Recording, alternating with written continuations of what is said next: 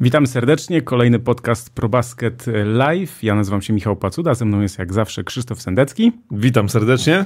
Witamy Was e, bardzo ciepło w ten mroźny wieczór, bo to już praktycznie można powiedzieć, że zima przyszła, zima zaskoczyła drogowców, oczywiście tradycyjnie tak jest, jak zawsze, no ale wiadomo, że tak czasem e, bywa. My dzisiaj oczywiście będziemy mówić o NBA, jak zawsze, bo przecież po to się tu spotykamy. Będziemy troszkę mieli też różnych e, wstawek, e, różnych poleceń, różnych ciekawych rzeczy wam opowiemy. I co, zaczniemy od tego, że przede wszystkim jesteśmy w Shark Agency i jakby ktoś chciał na warszawskim Powiślu, jakby ktoś chciał też nagrywać podcast, to też można oczywiście tutaj w Shark Agency nagrywać e, też podcasty, sobie robić i tak dalej. Bardzo dziękujemy za udostępnienie tego magicznego studia, które tutaj pewnymi gadżetami urozmaicamy, żeby tak było troszkę po koszykarsku. I co? Yy, tradycyjnie pamiętajcie o łapkach w górę. Jeśli słuchacie nas z odtworzenia, to oczywiście też pamiętajcie o łapce w górę, o komentarzu. Też jeśli słuchacie na Spotify, no to też można wbić na YouTube'a, żeby łapkę zostawić, prawda? Tak jest. E, łapki są ważne, e, więc. Subskrypcje też są ważne. Subskrypcje o, też są ważne. Bo mamy.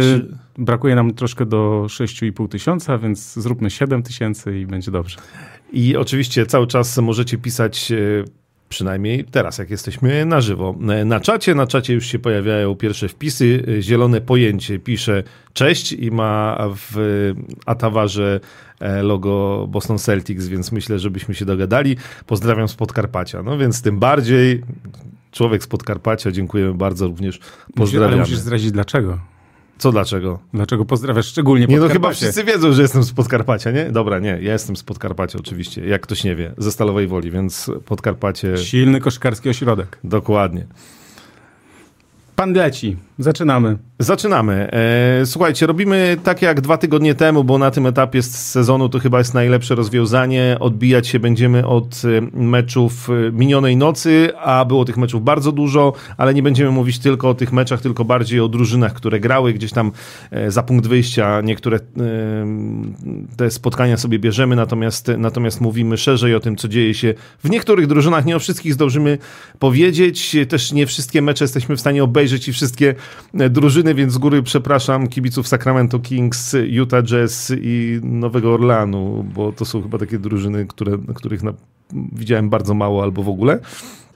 Natomiast niektóre drużyny widziałem e, bardzo dużo, Michał też e, wiele razy e, i myślę, że minionej nocy mm, absolutnie najważniejszy mecz to było spotkanie Boston Celtics Milwaukee Bucks, no bo spotkały się drużyny, które są w topie wschodu, pierwsza i druga najlepsze zespoły konferencji wschodniej. Boston w ogóle ma najlepszy bilans w całej NBA w tym momencie, 12 wygranych, 3 porażki. Milwaukee e, troszkę gorzej po tym meczu 10-5, no bo Boston e, to akurat spotkanie wygrał 119 do 116, e, natomiast ten wynik jest nieco mylący ale też pokazujący trochę to, o czym mówiliśmy w poprzednich odcinkach, bo o Bostonie akurat mówimy dosyć sporo czyli takie trochę problemy, które ciągle ta drużyna gdzieś tam miewa, mimo tego, że w tym momencie jest najlepsza. Ale to też powtórzę się. Od Bostonu wymagam więcej, bo ja ich postawiłem jako kandydatów do mistrzostwa, znaczy mój typ na mistrza NBA w tym sezonie to jest Boston Celtics. Mm, oni mają taki sam cel, więc, więc jakby tutaj nawet jakieś małe rzeczy, które e, nie działają albo które można polepszyć, E, no to chyba warto o nich mówić, chociaż Boston ostatnio gra e, absolutnie rewelacyjnie, no bilans 12-3 to potwierdza. E, w tym meczu z Milwaukee Bucks, no tu też mamy dobrą próbkę, bo bardzo mocny rywal, oni jedni i drudzy zagrali tak naprawdę w najmocniejszych składach, w Bostonie tylko Crowdera brakowało, ale generalnie można powiedzieć, że no taki sprawdzian przed być może finałem konferencji wschodniej za parę miesięcy, może tak się zdarzyć i na ten moment tak to wygląda. Natomiast y, to, co warto powiedzieć o Bostonie, przez 3,5 kwarty tego spotkania Boston grał koszykówkę idealną. Znaczy, to była drużyna praktycznie bezbłędna. To była drużyna, która w ataku grała skutecznie, trójki się działy, która grała zespołowo, fenomenalnie krążyła piłka, która grała efektownie. Znaczy, tam były takie momenty, że Porzingis podawał za plecami do Brauna, Porzingis rolował pod kosz, Brown mu od razu rzucał alejupa, Porzingis pakował piłę do kosza, a Brook Lopez tylko głową kręcił, e, próbując nadążyć w ogóle, gdzie jest piłka, nie ruszając się w ogóle z miejsca, e, bo, bo nie był w stanie zareagować. Tam były takie sytuacje, że poszła kontra i Jalen Brown rzucił E, ale Jupa i Sam Hauser e, wykończył akcję slam dunkiem, w co chyba sam, sam Hauser nie był w stanie uwierzyć, że takie sytuacje będą się działy i to w meczu z Milwaukee Bucks. E, był oczywiście poster Porzingisa na Lopezie, więc w ataku było i efektownie, i efektywnie. Momentami Boston prowadził 20 punktami. Natomiast też obrona Bostonu zagrała fenomenalnie. Znaczy w defensywie Boston wyglądał fenomenalnie. E, co ciekawe, Drew Holiday przez większość meczu krył Janisa, więc starzy dobrzy y, znajomi. E, zatrzymany Janis Antetokounmpo, tak, tak to trzeba powiedzieć, bo, e, no bo on po prostu teraz sprawdzę dokładnie, ile punktów rzucił, bo nie pamiętam tego. 21 to było. To jest 21 punktów, ale e, to jest, y, to jest Janis, który przez 3,5 kwarty niewiele był w stanie zrobić. Zatrzymany mm, absolutnie mm, Damian Lillard, który dopiero w samej końcówce zaczął trafiać trójki, natomiast wcześniej był totalnie bezradny przy wejściach pod kosz, przy próbie jakiegokolwiek przyspieszenia gry, y, wykreowania sytuacji, wejścia pod kosz, y, był stopowany. No i też dosyć bezradny Chris Middleton, który bez względu na to, z kim grał jeden na jeden, czy z Jasonem Tatumem, czy z Jalenem Brownem, to w większości przypadków te pojedynki przegrywał i to po dwóch stronach parkietu. Jalen Brown i Jason Tatum w tym meczu zagrali rewelacyjnie i zespołowo, 26 i 23 punkty um, odpowiednio, Porzingis 21, e, Derek White 13, Drew Holiday mniej, bo 5, natomiast tą pracę, jaką wykonał w obronie, e, pracując też nad, nad właśnie e, Janisem, no to jest coś absolutnie niesamowitego. E, byli rezerwowi, bo też Horford y, trochę pograł i Sam Hauser i Peyton Pritchard tam się pojawili też w dobrych momentach, więc 3,5 kwarty Boston był absolutnie perfekcyjny. W końcówce prawie dał się dogonić i, i to są te, te problemy Bostonu, o których my mm, mówimy, no bo oni jeśli grają zespołowo, jeśli siedzą trójki, to naprawdę z przyjemnością, z naprawdę wielką przyjemnością ogląda się grę Boston Celtics. E, ale czasami dzieje się coś takiego, że właśnie w końcówkach na przykład, brak, nie wiem co to jest, brak koncentracji, no oni 5 minut przed końcem prowadzili 16 punktami, po czym w ciągu, nie wiem, może 40 sekund w jakiejś takiej chaotycznej koszykówce, właściwie bez przerw, oni pudłowali, e, Milwaukee rzucały, zrobiło się nagle 10, później Lillard odpalił tam bodajże dwie trójki, e, no i ostatecznie co prawda na mniej niż 4 punkty nie zeszli, znaczy zeszli na 3 punkty, ale to już był rzut równo z Syreną, więc tak naprawdę tam nie było zagrożenia, że Boston ten mecz przegra, bo, bo Jason Tatum tym razem w miarę e, sensownie trafiał rzuty wolne, w przeciwieństwie do przegranego e, parę dni wcześniej meczu z e, Hornets w Charlotte. Natomiast no też, też tam miał jedno wejście pod kosz. No generalnie zamknęli ten mecz w miarę pewnym zwycięstwem. Dlatego mówiłem, że ten wynik trochę kłamie, bo, bo to był mecz, w którym Boston był o wiele lepszy od Milwaukee przez większość tego spotkania. Natomiast no, to, są, to są te rzeczy, które, o których też mówiliśmy, że gdzieś tam ten brak koncentracji, jakieś takie E, rozluźnienie się, ta nerwowość w końcówkach. To jeszcze Boston nad tym musi pracować, bo z tymi trudniejszymi rywalami, właśnie jak Milwaukee, mogą być z tego poważne problemy. Nawet nie chcę myśleć, co po takim meczu, w którym cały czas prowadzisz e, momentami 20, 20 punktami i przegrywasz, e, no co by, co by było. To do tego nie doszło. Jakby w, i nie muszą się w szatni nad tym zastanawiać w Bostonie, ale, ale e, wcale tak daleko nie było. Ciągle mam wątpliwości co do Joe Mazuli, to o tym mówiliśmy, że to jest trener, który przed którym jest bardzo trudne zadanie utrzymania tego, ułożenia tej gry, trochę jednak pozmienianego Bostonu, jeśli chodzi o skład, też właśnie trzymania tego idealnego balansu pomiędzy atakiem a obroną, to w tym meczu się w większej części udawało, natomiast nie do końca czasami to działa. Mnie zaciekawiła informacja, która nie jest taka nowa, ale o której nie wiedziałem, że do Boston Celtics dołączył Jeff Van Gundy. Człowiek, który przez ostatnie bardzo wiele lat komentował koszykówkę, ma oczywiście ogromną wiedzę i doświadczenie, natomiast no to już pewnie z 15 lat, jak jest komentatorem telewizyjnym. Przyszedł na taką funkcję, on nie jest w sztabie, jest, to się nazywa oficjalnie starszy doradca, czy tam konsultant, e, więc rozumiem, że trochę takim będąc człowiekiem, który ma E, nie wiem, być może właśnie wspomóc tego młodego e, trenera, jakim jest Joe Mazula, wspomóc swoim doświadczeniem, swoimi radami. Może taki jest pomysł Brada Stevensa na to. Tro, trochę nie wiem, a, a może zupełnie, e, zupełnie to są jakieś inne powody, ale tak to sobie to wyobrażam.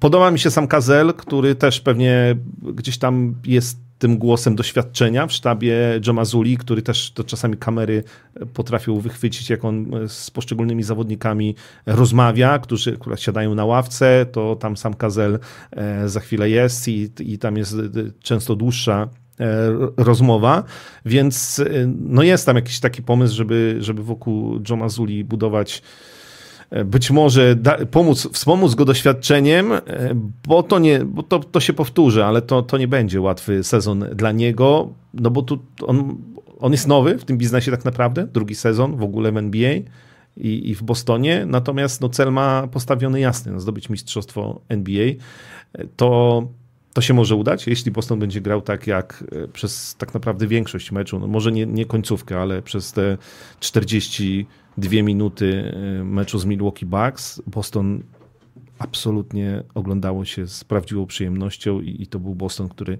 z Milwaukee Bucks naprawdę w najmocniejszym składzie prowadził momentami 20 punktami, więc tak, widziałem, wielkie tam, wow. Widziałem fragmenty, ale tak, tam było 51-31 chyba w Tak, kilka razy, no, no, nawet w czwartej kwarcie jeszcze było 20 punktów przewagi. Ale, to jest, ale to jest trochę taka domena NBA w ogóle, że, że wiesz, prowadzisz 20 punktami i to w minutę możesz tak naprawdę, wiesz, schodzisz do, nie wiem, 12, 10 i już zaczyna się robić ciepło, nie? Więc mhm. jakby to jest w ogóle taka domena NBA tych ostatnich lat, myślę. Przy tej okazji, jak mówimy o Boston Celtics, to y, warto wspomnieć, bo może nie wszyscy wiedzą, y, poznaniacy szczególnie, dlatego że jutro, 24 listopada w Poznaniu jest zlot kibiców Boston Celtics. Y, The Dubliner Irish Pub, godzina 19.30 i tutaj tam mają być i oglądanie wspólne Celtics Magic, i quiz z nagrodami, upominki prosto z Bostonu od Celtics. To organizuje Tomek Kordlewski, którego serdecznie pozdrawiam i wrzucę na czat jeszcze taki link, jakby ktoś e, potrzebował właśnie informacje to jest, y, wrzuciłem teraz, y, no Tomka Kordlewskiego warto y, śledzić na Twitterze, jeśli ktoś ma konto, a jak ktoś nie ma, ja chcę o tym informację zdobyć, to na pewno sobie znajdzie na Google. To Boston, właśnie kibice Bostonu spotykają się jutro, czyli w piątek w w Poznaniu. Natomiast, bo powiedziałeś o Milwaukee, tam cały czas jest problem taki, że o ile myślę, że wszyscy, wszyscy tak podejrzewali, że ten, no ta para Janis z Lillardem, gdzieś oni potrzebują trochę czasu, żeby w tej obronie gdzieś tam sobie to wszystko poukładać i tak dalej. Natomiast oni tak w ataku, to trochę jest tak, że, że Janis gra swoje, a Lillard gra swoje i troszkę jeszcze musi parę meczów upłynąć, może nawet i ze 20 albo 30, żeby to między nimi kliknęło, żeby oni się, że tak to powiem, wspólnie odnaleźli, zrozumieli swoją grę, no bo na razie to tak nie wygląda idealnie. Zresztą też Damian Lillard ma troszkę tak czasem górki i dołki, jak to się mówi. Mnie cały czas zastanawia, bo e, tutaj też było pytanie na czacie odnośnie Chrisa Middletona, no i teraz jest problem ogólnie Milwaukee Bucks, mam takie, no, taką teorię nawet, y, jestem gotów gdzieś tam e, powiedzieć, że no jeśli on nie wróci do tej formy sprzed tak naprawdę to dwóch lat, tak, dwóch, trzech lat, kiedy rzucał po 20 punktów, no to, Bos, to Milwaukee Bucks będą mieli ogromny problem. On, ja wiem, że on wraca po kontuzji, musimy uzbroić się w cierpliwość. Jak spojrzymy na statystyki, to on tak naprawdę grał, pierwszy raz grał 29 minut, wcześniej grał po około 20 w tych spotkaniach, w których w ogóle grał. Więc widać, że to jest jeszcze długi proces, ale to też może nie wyciągajmy pochopnych wniosków, no bo wiemy, że jak ktoś wraca po dłuższej przerwie albo miał poważną kontuzję, albo gdzieś ta kontuzja już jest zaleczona, ale jest pewna blokada psychiczna, to rzeczywiście taki zawodnik potrzebuje trochę czasu. On z Bostonem 4 na 14 z gry, więc tak no, mogło być lepiej, bo też tam po prostu, no, znaczy nie był w stanie ogrywać swoich rywali i też no co tu dużo gadać. No nie jest to ten Chris Middleton, którego znamy i pamiętamy właśnie z, chociażby z tego mistrzowskiego mm, sezonu Milwaukee Bucks, więc to jest taka e, ważna kwestia odnośnie Milwaukee i Bostonu. Tak, myślę, że możemy. Myślę, że jeśli chcesz coś dodać odnośnie tych dwóch drużyn, to. Będę do samego końca bronił tezy, że Boston jest faworytem do mistrzostwa. W Słuchaj, jest, oczywiście, że jest faworytem. Te zmiany to jest też ciekawe, bo oni jednak podjęli tę decyzję o tym, żeby wiesz, Markusa Smarta, tak? W sensie jednak oddać. Yy, potrzebowali jakiejś rewolucji w szatni. Też przyjście Porzingisa myślę, że jest taką próbą odpowiedzi na czy na Joela Embida i na Bama Adebayo w tych starciach, dlatego że tam jest, oni mieli duże problemy, tak? Oni mieli problemy szczególnie właśnie z Adebayo, który potrafi grać nie chcę mówić, że na każdej pozycji, ale, ale potrafi bronić przeciwko każdemu zawodnikowi i Adebayo im sprawiał ogromne problemy i myślę, że to taki ruch był, wiesz, musieli wstrząsnąć szatnią, musieli przy, przemienić, zmienić, przeobrazić drużynę. Nie chcieli się rozstawać z duetem Tatum Brown, bo cały czas wierzą, że ten duet jest w stanie ich poprowadzić do mistrzostwa.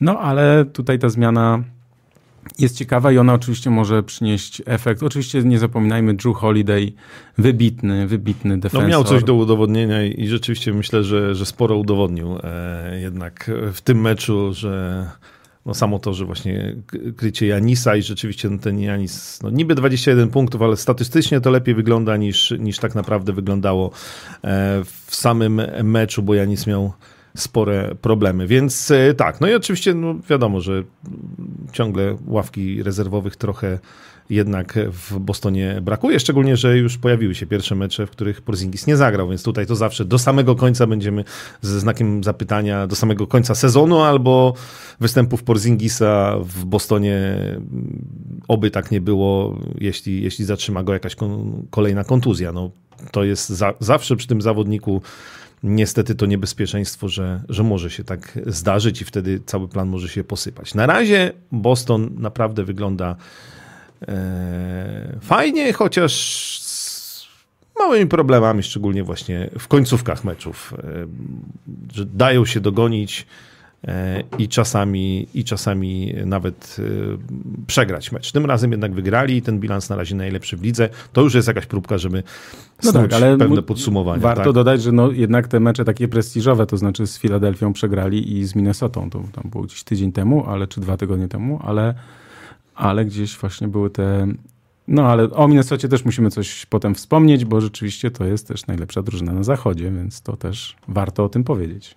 Tak jest. Yy, idziemy dalej? Idziemy dalej. Ja tylko sprostuję, bo yy, użyłeś skrótu myślowego, że Joe Mazula jest od dwóch lat w NBA, ale no wie, wiemy, że był asystentem. To jest oczywiste, bo tutaj nam jeden z naszych widzów zwrócił uwagę. Oczywiście, że był asystentem, no ale to jest jednak zupełnie inna sytuacja, bo jednak asystent to jest ktoś, kto tylko gdzieś tam sobie siedzi, doradza, obserwuje, natomiast jak przychodzi co do czego, to trzeba podejmować decyzje w ułamkach sekund i wiemy, że to też jest taka rzecz, którą no trzeba, trzeba się tego nauczyć, trzeba to mieć we krwi, trzeba też mieć e, wzorce dobre, z których e, się czerpie.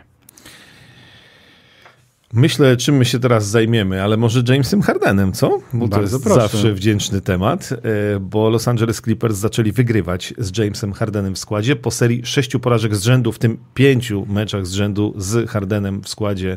E, właśnie po pięciu przegranych meczach wreszcie przyszły zwycięstwa. Jedno ważne e, z Houston Rockets, no też z racji tego, że Harden też w Houston występował i odchodził w takim powiedzmy nie, też nie najlepszych mm, relacjach, jak to u niego już tradycyjnie. Natomiast y, i o Houston też powiemy, bo Houston też warto powiedzieć, ale to za chwilę. Natomiast dwa ostatnie mecze wygrane z San Antonio Spurs Więc ta próbka, powiem, zwycięstw z całym szacunkiem dla Houston i szczególnie z całym szacunkiem dla San Antonio, no to jeszcze nie jest coś, na czym my możemy budować jakąś wielką historię o tym, że to już działa, kliknęło i tak jest. To wspaniale dla Clippers, że James Harden jest w tej drużynie. No tak oczywiście nie jest, ale może będzie. James Harden, który zasłynął wypowiedzią że to on jest systemem, on się do żadnego systemu nie będzie dopasowywał, to bo to on to jest mistrz, systemem. Mistrz. To jest coś, co mnie trochę przeraża, bo jakby ego tego zawodnika jest tak potężnie wielkie przy tym, co jednocześnie prezentuje na parkiecie, że, że to momentami, no to, to, to rzeczywiście jest trochę toksyczne i trochę Chociaż nie wiem. Ciekawe, czy on tak naprawdę myśli. E, ja, my, ja myślę, trochę, że on tak myśli. Że to, czy to też trochę taka poza. E, mnie też rozwalił innym tekstem, że mm, dla niego każdy kolejny mecz, dajcie mi trochę czasu, bo każdy kolejny mecz jest dla mnie jak trening, e, no bo e, nie miałem okresu przygotowawczego. Pytanie z jakiego powodu? No był zajęty trochę innymi rzeczami niż przygotowanie się do sezonu, więc trzeba o tym pamiętać, że James Harden generalnie nie jest w najwyższej formie fizycznej, e, więc... To widać, więc... ja tylko powiem, że on trafił taką trójkę z Houston w końcówce z faulem, no i tam, że o, wielki tam powrót i tak dalej, to fajnie na highlightsach wygląda, natomiast jak się tak obserwuje jego grę, to tam jest dużo prób e, wjazdów, prób tej penetracji, e, tego z czego słynął James Harden, natomiast no, to się nie kończy tak dobrze, jak się kończyło wcześniej, we wcześniejszych latach, bo no tam i brakuje mu siły w nogach już powoli i też już sędziowie się trochę nie nabierają na te różne jego sztuczki. I teraz Też jest pytanie takie, czy on Rzadziej na linii rzutów wolnych na przykład staje e, e, niż w poprzednich sezonach, więc to też mniej, mniej z tych przewinień. No bo wiesz, też, też jest inaczej, ten zespół jest zupełnie inaczej skonstruowany, tak? Więc jakby też nie ma centra, z którym gra, tak, któremu będzie podawał i, i dlatego też tych asyst może być trochę mniej, ale też e, no, inna specyfika drużyny, więc musisz się dostosować do, do, do zespołu. No. no. właśnie tak, z Hardenem jest taki problem, że niekoniecznie on chce się dostosowywać, ale może chwilowo przynajmniej tutaj będzie szczęśliwy. Zobaczymy jak długo. Natomiast no, wydarzyła się w Los Angeles Clippers jedna bardzo ważna rzecz, być może rzecz, która e, przynajmniej na jakiś czas uratuje tę drużynę, a może da coś jeszcze więcej. Zobaczymy jak to będzie w meczach z drużynami stopu. E, no bo stało się to, co wydawało nam się, że jednak się nie wydarzy i to akurat w taki sposób. Russell Westbrook e, zgłosił się na ochotnika, że może zaczynać na ławce rezerwowych mecze. No i Russell Westbrook usiadł na ławce rezerwowych i to jest zbawienne na razie dla. No nie, no to jest, bo to jest, to jest rozwiązanie, które bardzo dużo daje. I możliwości, i rzeczywiście wiele rzeczy ułatwia też trenerowi Tyronowi Lu, bo no problem był taki, no to mówiliśmy o tym. Jeśli na parkiecie jest Russell Westbrook i James Harden i do tego Paul George i Kawhi Leonard, no to Westbrook i Harden jako rozgrywający i ludzie, którzy uwielbiają mieć przy sobie piłkę, tej piłki zabierają i tej gry zabierają na siebie bardzo dużo i tam już nie zostaje miejsca e, dla Kawhi Leonarda, dla Paula George'a. E, też, y, więc to, to się rozwiązuje. Jakby jest James Harden, który jest rozgrywającym, wchodzi z ławki rezerwowych Russell Westbrook. Oczywiście później są tam jeszcze fragmenty e, w każdym meczu, kiedy oni są obaj na parkiecie, no ale to można, jest dużo więcej możliwości rotowania tym składem, e, wymiany tego i, i, i generalnie zyskali też na tym Paul George i Kawhi Leonard. Ta gra zespołowa wygląda lepiej. Oczywiście bo niektórzy nam tu zarzucali, że my cały czas krytykujemy e, Jamesa Hardena.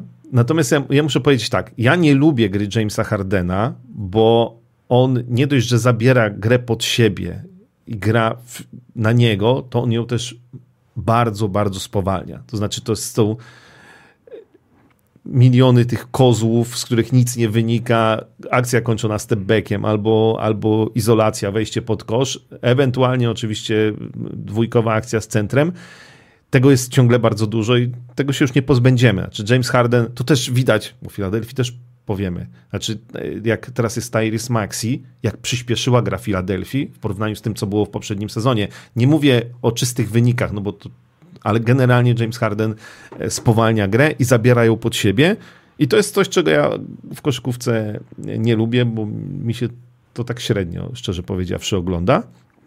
Natomiast w tych e, siłą rzeczy, jeśli było tych gwiazd mniej na metr kwadratowy w ostatnich meczach, bo Russell Westbrook zasiadł na ławce rezerwowych, to ta gra Los Angeles Clippers wyglądała lepiej. Oczywiście rywale też byli trochę słabsi, szczególnie San Antonio, ale jednak mimo wszystko no już y, widać pewien postęp, widać jakiś tam potencjał. James Harden oczywiście no, musi do jakiej, takiej formy y, też fizycznej po prostu dojść w tym sezonie. Być może to się wydarzy. E, I, i ciągle mając takich zawodników, mm, no to musisz myśleć o najwyższych celach. To nie jest tak, że dobra, ten James Harden jest nieprzygotowany, fatalny i my go nie lubimy i oni będą wszystko przegrywać. No nie, no nie będą wszystko przegrywać. Kwestia tego, jak dużo będą wygrywać. Też ciekawe, że trochę historia zatoczyła koło, bo pamiętamy ile ponad dekadę temu Oklahoma City Thunder gdzie młodzi Russell Westbrook, Kevin Durant e, szli do finału, a, a wtedy James Harden był tym pierwszym rezerwowym. Teraz znów są razem z Russellem Westbrookiem w jednej drużynie. Westbrook jest w tym momencie rezerwowym i, i to też myślę Westbrookowi może wyjść na dobre, bo on też zawsze teoretycznie trochę łatwiej e, będzie miał w w, jeśli chodzi o to, kto będzie grał przeciwko niemu, tak? W no tak danej się mówi, części że czas meczu. leczy rany, więc może to ego zranione troszkę. Ale wiesz jest... Westbrook już widać, tak teraz mówiliśmy, wiem, dwa tygodnie temu, że, że, że to się będzie trudno o to, żeby on się zgodził w ogóle na grę z ławki, natomiast tak teraz z perspektywy czasu sobie myślę, mm, on chciał zostać w tym Los Angeles. On, on naprawdę, jakby ta cała historia, że oni wszyscy są w Kalifornii, to jest fajne, ale Russell Westbrook to jest rzeczywiście, e, on z nich najbardziej chciał po prostu grać w Los Angeles. On się zgodził też na przecież minimalny kontrakt. On, on, Russell Westbrook spadł z maksymalnego kontraktu na minimalny. No to, są, to jest ogromna różnica. E... No tak, znaczy nie wiem, czy minimalny nie, że bańka, tylko tam 6, 5 czy 6. No ale e, e, dużo, dużo, dużo mniejszy. Mhm. E, jakby mam wrażenie, że on, się, on już trochę się pogodził z tym, że, że gdzieś tam zbliża się do końca i ta rola jego to już nie będzie lider drużyny walczącej o coś, tylko, tylko próbuje się wpasować. To już trochę było widać też w Los Angeles Lakers, inna sprawa, jak to wychodziło. Natomiast, natomiast tutaj naprawdę szanuję tą decyzję Russella Westbrooka, bo wiemy, że to nie jest łatwe dla takich zawodników. Pamiętamy historię Carmelo, Carmelo Antonego, który tak naprawdę dopiero jak zrozumiał, że może być rezerwowym, a niekoniecznie pierwszopiątkowym graczem, to po już paroletniej nieobecności wrócił w roli właśnie rezerwowego e, do NBA w ogóle i do Portland. Pamiętamy mm, Alena Iversona, który nie był w stanie zrozumieć tego, że on ma zaczynać z ławki. Więc y, to jest tak, że jak jesteś liderem drużyny przez lata, jesteś, no byłem MVP w końcu, tak? Oni obaj byli MVP e, NBA, no to są wielkie gwiazdy, no ale czas mija, starzejesz się, jesteś wolniejszy, jesteś gorszy, są coraz młodsi, lepsi. Trzeba się dopasować, albo trzeba do końca twierdzić, że jesteś systemem i yy, udowadnia się na parkiecie. No. Jestem ciekaw. Ja jestem ciekaw, co z tego wyniknie, bo jest to dla mnie absolutnie wielka, wielka zagadka Los Angeles Clippers. Aczkolwiek nie sądzę, aby oni. Mm, I teraz myślę, gdzie ich ustawić. Nie, znaczy finał konferencji nie, nie, nie, nie wiem. Szczerze no, powiedziawszy, playoffy, ale, ale to nie jest dla mnie drużyna, która będzie walczyła o mistrzostwo. No. Może być ciężko. Najbliższe dni to też taki ciekawy sprawdzian dla nich, bo zagrają z Nowym Orleanem u siebie, z Dallas Mavericks u siebie, z Denver Nuggets u siebie i potem mają Sacramento i dwa razy Golden State, więc też bardzo po tych meczach dwóch San Antonio to teraz też tak no troszkę trudniejsze mecze. No zobaczymy. Właśnie ciekaw jestem, jak, jak to będzie wyglądało z takimi właśnie mo mocniejszymi rywalami, no bo jednak e, San Antonio to nie jest yy, miarodajny sprawdzian, powiedzmy tak. Nie jest. Czy chcemy chwilę o San Antonio? No to możemy przy tej okazji o San Antonio powiedzieć chwilę, skoro tutaj nawet koszulka Jeremiego Sochana za mną wisi, więc... Z autografem. Z autografem Jeremiego Sochana. Yy, San Antonio. San Antonio po trzech wygranych na początku sezonu, tam w kilku pierwszych meczach. Tak, tak, oni mieli 3-2, bo dwa razy z Phoenix wygrali i mieli bilans 3-2. Tak, no zaczęli... Teraz mają 3-12. No zaczęli przegrywać seryjnie. Są w tej chwili na dnie konferencji zachodniej.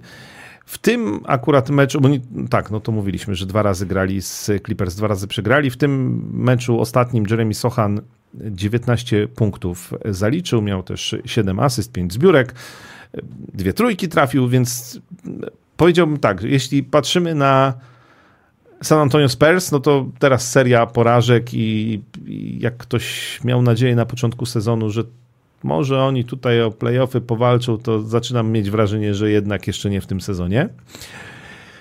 Jeśli patrzymy na Jeremiego Sochana, no to on znów cały czas się uczy i te kolejne mecze e, są kolejnymi lekcjami serwowanymi mu przez Grega Popowicza. Są mecze lepsze, są mecze gorsze. On się uczy tej roli rozgrywającego. E, są mecze, gdzie w ataku jest bardziej aktywny, generalnie w obronie jest nieźle. Na pewno patrząc już na tą próbkę, którą mamy na te kilkanaście meczów, poprawił rzut za trzy punkty w porównaniu z poprzednim sezonem, bo w poprzednim sezonie to było tam 20 parę procent tak naprawdę. Teraz e, to zbliża, gdzieś zbliżyliśmy się do 40, więc on te trójki rzeczywiście czasem praktycznie nie rzuca. Rzuci raz na przykład w meczu za trzy punkty, ale czasem e, tak jak właśnie w tym 2 na 5 albo 2 na 4 tam bodajże było z Nowym Jorkiem, więc e, trochę częściej. I no ja też się trochę powtórzę. Znaczy, mam wrażenie, że on nigdy nie będzie topowym rozgrywającym i mam, mam też takie wrażenie, że nie taki jest zamysł Górega Popowicza. Czy mam nadzieję, że po prostu to ma być lekcja do przygotowania Jeremiego Sochana do bycia maksymalnie wszechstronnym zawodnikiem, który jeśli trzeba, to potrafi rozegrać, bo jemu brakuje trochę takiej takiego błysku, bym powiedział, czegoś takiego, szczególnie przy e, szybkości reakcji, podaniach. E, no albo jesteś Chrisem Polem, no albo, albo nie. No i nie da się z nawet dobrego, czy bardzo dobrego koszykarza zrobić e, kogoś takiego, bo bo musisz to mieć, albo nie wiem, Kyrie Irvingiem na przykład, jakby czysto koszykarsko patrząc. Więc, więc traktuję to jak eksperyment. I ten sezon Jeremiego Sochana i ten sezon San Antonio Spurs coraz bardziej eksperyment, który ma nie doprowadzić do żadnych wyników, patrząc po tych ostatnich meczach. No bo oczywiście ja, ja, trochę nie jestem w stanie wejść w głowę Grega Popowicza. Co on tak naprawdę, czy on w ogóle zwraca uwagę na wyniki w tym sezonie? Czy jemu będzie zależało na tym, żeby ta drużyna wygrywała, czy, czy to będzie trochę taki sezon jak poprzedni, tyle, że z, z, z Łębaniamą e, i jakby z, i dopiero w przyszłym sezonie próbujemy coś wygrywać. To jest taki pierwszy tak naprawdę krok przebudowy, wszystko dla wszystkich jest nowe, wszyscy się uczą. E, i nie mam tu jakichś e, wielkich teorii na ten temat. Wiktor Łębaniama. Poczekaj, to ja, ja jeszcze no. muszę o, o Sochanie wrzucić. Y, warto obejrzeć w tym spotkaniu przeciwko Clippers. Oni już tam przegrywali dosyć wysoko, natomiast y, Jeremi rzucił 12 punktów z rzędu, więc to też warto y, odnotować. No ten, jak się obejrzy tę sekwencję, no to to naprawdę bardzo dobrze wyglądało. Rzeczywiście jest tak, że on na tym rozegraniu trochę nie ma też, mam poczucie takiego wsparcia ze strony E, nie wiem, sztabu szkoleniowego trochę, bo to jest taki, gramy na rozwój, natomiast oni, mam wrażenie, że nie mają też tak roz, roz, zagrywek poustawianych. E, często jest tak, że albo Jeremi sam wchodzi na kosz i próbuje kończyć albo podawać, albo jest tak piłka do łębaniamy i weź coś wymyśl, nie? że troszkę brakuje mi tam takiego poukładanego, ja wiem, że NBA Oczywiście nie, nie jest tak jak w Europie, że masz pięć y, podań w ogóle tam ustawianych, tu zbiegnięcie i tak dalej. Jest, jest, są te bardzo krótkie są te zagrywki. Natomiast rzeczywiście mi brakuje e, czasem tego właśnie takiego ruchu bez piłki e, innych zawodników i, i, i tu mi gdzieś to, tego brakuje. Jest ciekawa historia, bo e, rozmawiałem ostatnio z jednym kibicem, który właśnie zauważył mnie i chciał pogadać o NBA. Pozdrawiam Pawła. I on właśnie tak się zastanawiał nad, e, nad Sochanem i e, też powiedział taką rzecz, no ale to zobacz, że no nie wygrywają, tak? Znaczy, no to każdy może grać, rzucać dużo i tak dalej. I, ta, I dał jako porównanie na przykład Lamelo Ball. I Lamelo Ball też mnóstwo wykręca statystyk, natomiast ta drużyna nie wygrywa. Tylko, że ja oglądając Charlotte, gdzieś tam sobie ostatnio widziałem mecz Charlotte i w ogóle no, gdzieś tam obserwuję, to mam takie poczucie, że jednak e, w Charlotte Lamelo Ball jest nastawiony na siebie i on wyniknie, to jest oczywiście moja taka interpretacja, nadinterpretacja, ale to jest trochę tak, że on takie, trochę wynik nie ma znaczenia, ja tu wykręcę 28 punktów i zrobię może triple-double, albo będę gdzieś blisko, narzucam punktów, jest fajnie, to, że przegraliśmy nie ma znaczenia, że ta, ta, trochę tak to Charlotte wygląda, natomiast w San Antonio jednak jest widać jakby, że ta drużyna jest zupełnie inna, mimo że też powiedzmy no nie, jest, nie wygrywa na razie zbyt często, to jednak, że, że jednak widać tam pewien taki zamysł i trochę to, że to jest nastawione na proces. Oczywiście, że pewnie będzie tak, że, że Jeremi nie będzie grał na jedynce w przyszłości, ale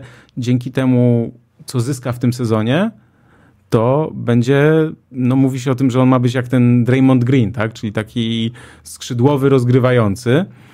On bardzo dobrze broni, broni też tych wszystkich najlepszych zawsze zawodników drużyny przeciwnej. To też trzeba mu oddać, bo tam haruje jak wół, e, musi biegać za nimi i, i to naprawdę też jest e, bardzo, e, no, energii bardzo dużo mm, wymaga i, i też potem no, to, trochę jest trudniej w ataku. Jak się haruje w obronie, to potem jeszcze być tym odpowiedzialnym za atak to też nie jest, nie jest łatwe, ale że jednak mam wrażenie, że to jest pewnego rodzaju jedna jak, jakaś taka myśl, która może przynieść efekty. To znaczy, że oni rzeczywiście w San Antonio postawili na rozwój tych młodych zawodników, bo przecież e, Reggie Bullock został zwolniony, w sensie oddany na zasadzie dziękujemy ci, nie potrzebujemy ciebie jako weterana.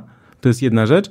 A dwa, że przecież oni mogliby grać z Trey Jonesem na jedynce, a nie grają. Tak, w sensie nie wychodzi on w pierwszej piątce, bo wiadomo, że Trey Jones to jest rozgrywający i z nim rzeczywiście ta gra wygląda często lepiej, no bo on jest po prostu nominalną jedynką i potrafi więcej tam poustawiać. Natomiast widać, że to jest pewnego rodzaju pomysł i też byłbym ostrożny, dlatego że to jest dopiero początek sezonu, to jest dopiero kilkanaście spotkań e, za nami i tak naprawdę, wiesz, no jeszcze mamy sezon NBA jest długi, ja pamiętam, będę przypominał zawsze to w kontekście Minnesoty, o której pewnie będziemy mówić, czy w ogóle w kontekście innych drużyn.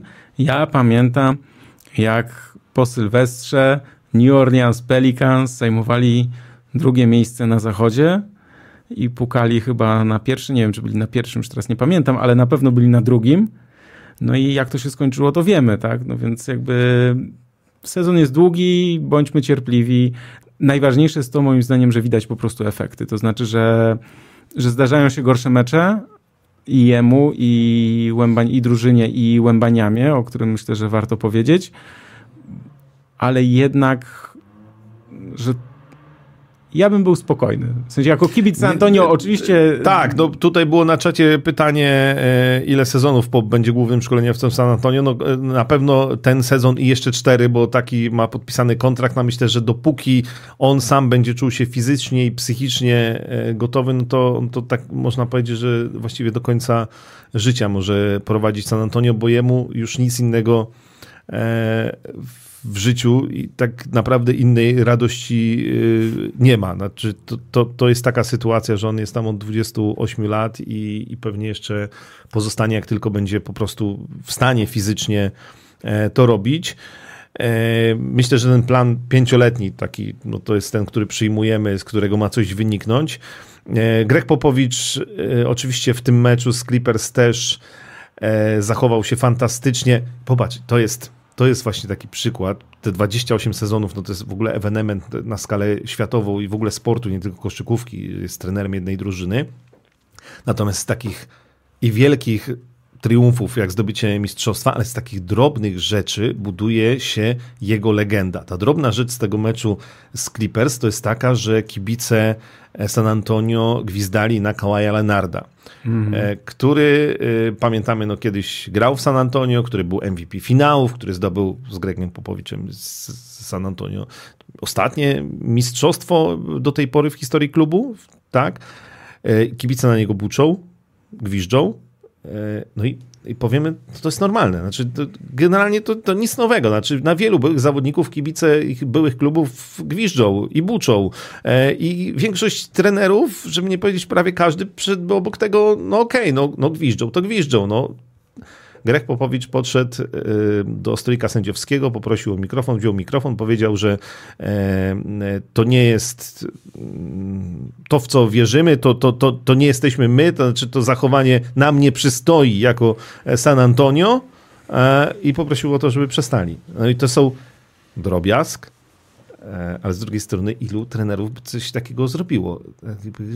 Tak się buduje szacunek do siebie, zawodników do niego, kibiców do niego. To się oczywiście od razu rozchodzi po całym internecie e, wiralowo e, i i, I, to jest ta niesamowitość i niepowtarzalność Grega Popowicza, także poza, można powiedzieć, poza koszykówką, czy jakby poza umiejętnościami koszykarskimi. On jest świetnym trenerem, to wiemy, legendarnym trenerem, ale też jest absolutnie unikatowym człowiekiem, tak po prostu. Tak, ale, ale to też trzeba oddać, bo on potrafi być, znaczy mówi niesamowite rzeczy o wartościach różnych, o wiesz, właśnie tak zwraca uwagę na pewne rzeczy, a czasem potrafi być takim bucem, że to się w głowie nie mieści i, i zawsze mu to uchodzi płazem na zasadzie, a to jest Greg Popowicz i tak dalej. Nie? Że, no ale że tak, tak potrafi... to są lata właśnie... Niesamowite, bo ja oglądam te na, nagrania potem po, z konferencji prasowych po każdym meczu San Antonio i i widzę, jak on czasami jest tak zirytowany pytaniem i naprawdę odpowiada w taki sposób, że mówię, o to już przegięcie, natomiast no, no, to, jest, to jest Greg Popowicz, on może, nie? Jemu, jest... jemu wolno więcej, ale jakby zasłużył na to. Tak. Natomiast chyba warto jeszcze o Łębaniamie e, tak. trochę powiedzieć, bo myślę, że ja muszę przede wszystkim odwołać. No właśnie. Ja już, tak, dasz mi to, tak? To Słuchajcie, proszę, ja, ja proszę. myślałem przed poprzednim odcinkiem, że będziemy, e, ja będę miał taki, e, w ogóle każda moja wypowiedź będzie się zaczynać od tego, e, mówiłem e, i mam rację, albo e, mówiłem, myliłem się. I wydawało mi się niemożliwe, żeby Wiktor Wembaniama nie był Rookie of the Year, że tak to imię najlepszym debiutantem, no bo to jest zawodnik, który przecież no, pewnie będzie stanowiło sile tej ligi za, za kilka lat i będzie przez wiele lat takim głównym, jednym z najlepszych zawodników w całej lidze. Natomiast to porównanie z Chetem Holmgrenem, który trzeba zaznaczyć, jest od niego o dwa lata starszy, a w tym wieku to jest bardzo duża różnica, bo e, Łębaniama ma przecież 19 lat, e, Holmgren ma dwa lata więcej. I Holmgren też um, był ten rok, ponieważ leczył kontuzję, więc nie grał w zeszłym sezonie, więc był w tym zespole, miał czas na zobaczenie wszystkiego i tak dalej. Ja to zawsze mówię, że to, jest, to doświadczenie naprawdę jest, ma duże, ma duże znaczenie. Natomiast to, jak Holmgren gra, to jest w ogóle niesamowite. Ja mam takie jego, znaczy porównałem szybko sobie tutaj tych zawodników. Owszem, Łębania ma więcej punktów, zdobywa 19 e, do 17, więcej ma zbiórek 9,5 do 8, natomiast Holmgren gra na niesamowitej skuteczności. 56% z gry, 43% za 3, co jest w ogóle niewiarygodne blisko był e, tego, tego klubu, wiesz, gdy jest klub 50, 40, 90. On e, teraz troszkę mu spadły to osobiste, bo ma 88, ale no, niewiarygodne po prostu to, co on wyprawia, jakie rzuty trafia na, na dogrywkę, czy potrafi po prostu grać bardzo dobrze. E, natomiast Łębaniama widać, że jeszcze potrzebuje trochę czasu. To znaczy widać, że on ma te 19 lat, widać, że jeszcze musi fizycznie się wzmocnić, on jeszcze to jego ciało pracuje, się rozwija. Ja nawet miałem taką sytuację, to jest idealnie, żeby, y, przypominam sobie Jeremiego Sochana, Słuchajcie, ja wysyłałem tam zdjęcia do mediów y, jako Polskie Biuro Prasowe mm, Jeremiego i miałem takie zdjęcia z początku pierwszego sezonu I potem miałem zdjęcia z ostatnich tam, porównałem sobie tego po prostu do, do tego, jak teraz wygląda. Tam nawet w trakcie sezonu, między październikiem a marcem, można było zobaczyć, jak młody człowiek się rozwinął, jak się zmienia jego w ogóle budowa ciała, jak on jeszcze nie mówię, że rośnie wzwyż, chociaż ja zadałem takie pytanie w wakacje, czy, czy, przypadkiem, czy przypadkiem nie urosłeś? On tak, nie, no chyba już nie, chyba już nie, ale muszę to sprawdzić. Natomiast widać było po prostu po, po budowie ciała, jak on się bardzo zmienił, wzmocnił i teraz to samo. Ja, znaczy ja, ja patrzę, ja, można sobie to porównać Y, naprawdę na, po zdjęciach i to widać, tak? W sensie u 19-20 latków, przecież to są jeszcze ludzie, którzy, młodzi ludzie, którzy jeszcze rosną, więc to spokojnie jeszcze i Łębaniama i Holmgren też będą się jeszcze rozwijać pod względem fizycznym i myślę, że to też warto, warto się temu przyglądać. Natomiast ja przypomnę, bo wiem, to chciałem jeszcze powiedzieć, bo dla mnie takim szokiem trochę będzie, kurczę, Łębaniama nie będzie, nie będzie, oczywiście wszystko się jeszcze może zmienić, ale jeśli nie będzie debiutantem roku, no przecież to drugi po Lebronie, taki wielki talent. Michael Jordan przecież był debiutantem roku i tak dalej. I sobie tak zacząłem się zastanawiać, kiedy mieliśmy ostatni raz taki pojedynek zawodników o miano debiutanta roku. To jest też pytanie do Was, w sensie możecie sobie tutaj teraz też razem e, pomyśleć, w sensie o tym, kogo tak można porównać. Na pewno Lebrona Jamesa i Carmelo Antonego. Tam było naprawdę blisko. A o kim myślisz? Grant Hill, Jason Kidd. I oni wtedy dostali tę nagrodę obaj.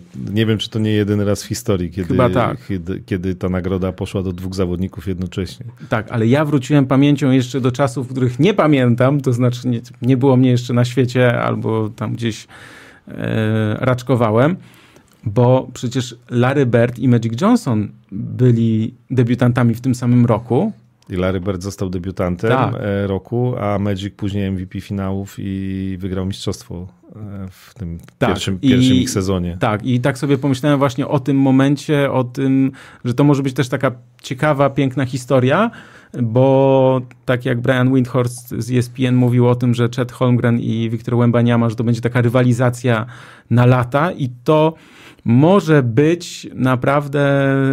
Ja wiem, że to tak słabo wyglądało, zwłaszcza w tym ich pierwszym pojedynku, że może ktoś powiedzieć, że to tak nie wróży i tak dalej. Natomiast ja przypomnę wszystkim, którzy śledzą NBA od przynajmniej 10 lat, Zobaczcie, jak wszystkie kariery tych zawodników, takich jak, nawet jak Steph Curry, tak? jak on zaczynał, kiedy tam walczył po prostu ze wszystkimi, był chudziutkim słabeuszem, który gdzieś tam rzucał, próbował i tak dalej. I ja pamiętam ten mecz, kiedy on w Madison Square Garden rzucił ponad 50 punktów i wtedy, ja, ja zawsze mówię, że wtedy narodziła się legenda Stefa Curry'ego, to znaczy, że on dał sygnał. Ale czasami to nie jest nawet, wiesz, tak, jakiś taki jeden punkt, bo też, nie wiem, podejrzewam, że na przykład Anthony Edwards będzie mega gwiazdą NBA i też to ile to jest sezonu, szczególnie, że ci gracze z draftów często zaczynają wtedy słabszych drużynach, tak? No bo te najsłabsze wybierają w drafcie. Więc y, zawsze potrzeba trochę czasu, żeby tą drużynę wokół tego zawodnika zbudować i żeby ten zawodnik już, żebyśmy wiedzieli, że on ma potencjał do tego, żeby być liderem drużyny walczącej o mistrzostwo.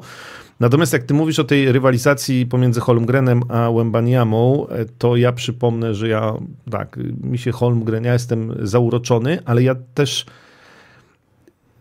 nie wiem, czy ja do końca to wytłumaczyłem y, chyba cztery tygodnie temu, jak, jak, jak o tym rozmawialiśmy. Natomiast już teraz wiem, jak dokładnie opowiedzieć, o co mi chodzi. Bo ja wiem, że e, wybierając Rookie of the Year, nie bierzemy pod uwagę tego, jak grała drużyna, tylko jak grał dany zawodnik. Natomiast mam wrażenie, że przy podobnych statystykach, podobnej grze, te punkty zdobywane przez Holmgrena ważą więcej.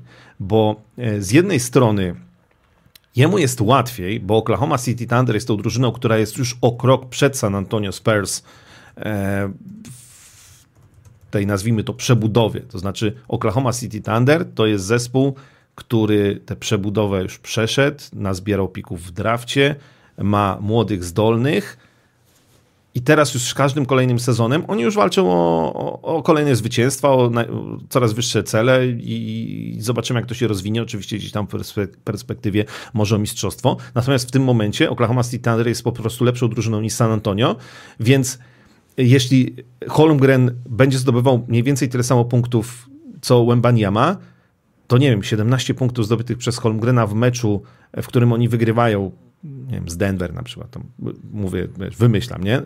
A 17 czy 19 punktów zdobytych przez Wembaniamę w meczu, w którym oni z Denver przegrywają 20 punktami, no to ja wolę Holmgrena.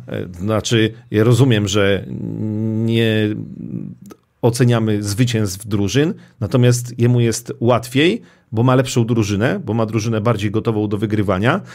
E, I też już w tej drużynie to, o czym mówiłeś, to jest tak, że nie ma problemu. No, co robisz, jak potrzebujesz rzut w ostatniej sekundzie na dogrywkę? No grasz do swojego pierwszoroczniaka, nie? No i Holmgren bierze piłę w ręce, rzuca, trafia. E, nie ma tam żadnej bojaźni i jest po prostu jedną z gwiazd tej drużyny. Oczywiście mamy tam Shaya, tak chyba ładnie przeszliśmy do e, Oklahomy, który, który jest, jest absolutnie genialny, no ale to się znowu będziemy powtarzać. Oni minionej nocy grali z Chicago Bulls, no to powiedzmy, że wyzwanie było takie sobie, natomiast Szaj rzucił 40 punktów w tym spotkaniu, robił co chciał absolutnie z obroną e, byków. E, Chet Holmgren rzucił punktów 18 i Oklahoma z przyjemnością się ogląda. Oklahoma, Orlando i Houston to są te drużyny, e, które moim zdaniem są o krok przed San Antonio w tej przebudowie totalnej, którą przeszły. Z drużyn, które były zbiorem e, młodych, dzieci, właściwie dzieciaków z ogromnym potencjałem, stają się drużynami, które chcą walczyć o coś więcej. E, San Antonio Spurs jeszcze na tym etapie nie jest. E, I w Oklahomie tylko jedno, bo tu nie dadzą nam spokoju na czacie. No, pojawiło się zamieszanie z Joshem Gideyem. Gidim. Tak, to się ładnie odmienia. Tak, tak znaczy, ja, ja się muszę przyznać, bo on jest na liście. Ja nagrałem taki podcast, w ogóle też polecam, jeśli ktoś gdzieś trafił na nas przypadkowo i albo odkrył niedawno, to zachęcam też do obejrzenia takich starszych nagrań. Jest też na YouTubie takie nagranie The Best Of i ja tam bardzo dużo, bo to jest takiego okresu, kiedy nie nagrywaliśmy razem z Krzyśkiem, tylko ja tam nagrywałem sam i tam jest dwie godziny różnego gadania o NBA, ale tam jest mnóstwo tematów ponadczasowych, także tam polecam, w sensie jest bardzo dużo fajnych rzeczy. The Best Of bardzo łatwo znaleźć, natomiast yy, chcę to powiedzieć, bo Josh Giddy jest po prostu na tej liście moich siedmiu ulubionych zawodników w NBA, natomiast yy, no ta sytuacja troszkę rzuca światło na rozsądek i w ogóle tego chłopaka. Znaczy, to są no. takie sytuacje, ja mam nadzieję, że wszyscy e, wiedzą, o czym my mówimy, e, jakie ma a my, problemy. A my nie możemy za My nie możemy z, za, niektórych słów używać ze względu na zasięgi, więc e, chodzi o 17-letnią dziewczynę, a wszystko się wydarzyło w stanie e, Kalifornia, gdzie od 18 lat pewne rzeczy wolno robić, a niektórych nie wolno, bo są po prostu nie, no, niezgodne z prawem, tak? Są i to prawem karnym, więc e, mam nadzieję, że wszyscy, wszyscy wiedzą. To ta dziewczyna się pochwaliła związkiem, nazwijmy to, z Joshem e, Gidim. Natomiast teraz Josh Giddy ma e, poważne problemy, no łącznie z odpowiedzialnością karną. Josh Giddy, który ma 21 lat też, tak żebyśmy tam jakąś perspektywę złapali. Natomiast ja nie chcę się zagłębiać, bo też ani dokładnie tej sytuacji nie, nie znam, no, wiesz, no też ani jakby, też prawa. No właśnie, pod, pra, podobno prawo, to, ale też jakby nie znamy, no bo kontekstu i tak dalej. zdjęć to na razie też jakby może o niczym nie świadczy. Więc też nie chcemy nikogo oskarżać i tak dalej. Natomiast niewątpliwie takie sytuacje psują, nazwijmy to, chemię w drużynie. Znaczy to, to zawsze jakieś takie pozaboiskowe e, zamieszania i problemy e, pozakoszykarskie danych zawodników mają wpływ na drużynę, bo już samo to, że w głowie masz trochę co innego niż tylko to, na czym masz się skupić. Masz się skupić na grze w koszykówkę i wykonywaniu tego jak najlepiej, a jeśli masz problemy prywatne, osobiste, problemy z prawem, e, no to to, to nie chodzi o to, czy on jest winny, czy niewinny i co tam tak naprawdę no się tak, no stało, no tylko że po prostu, po prostu już no. to się będzie ileś tam ciągnęło, to się będzie przekładało na całą drużynę, więc... więc... To w ogóle może zaważyć też o jego karierze, bo tak. zobaczymy, jak ta sytuacja się rozwinie, jak to zostanie czy wyjaśnione, czy jak tam te wszystkie kwestie zostaną opowiedziane, jak zareaguje NBA i tak dalej. Natomiast no to, to, to zaważy na jego karierze, bo to jest chłopak, któremu no tam za rok się chyba kończy umowa ta debiutancka, ale no to to jest koszykarsko to to jest gość na poziomie maksa, no, albo prawie maksa, tak, w sensie umowy. To jest naprawdę e, rewelacyjny potencjał, jeśli chodzi o młodego rozgrywającego.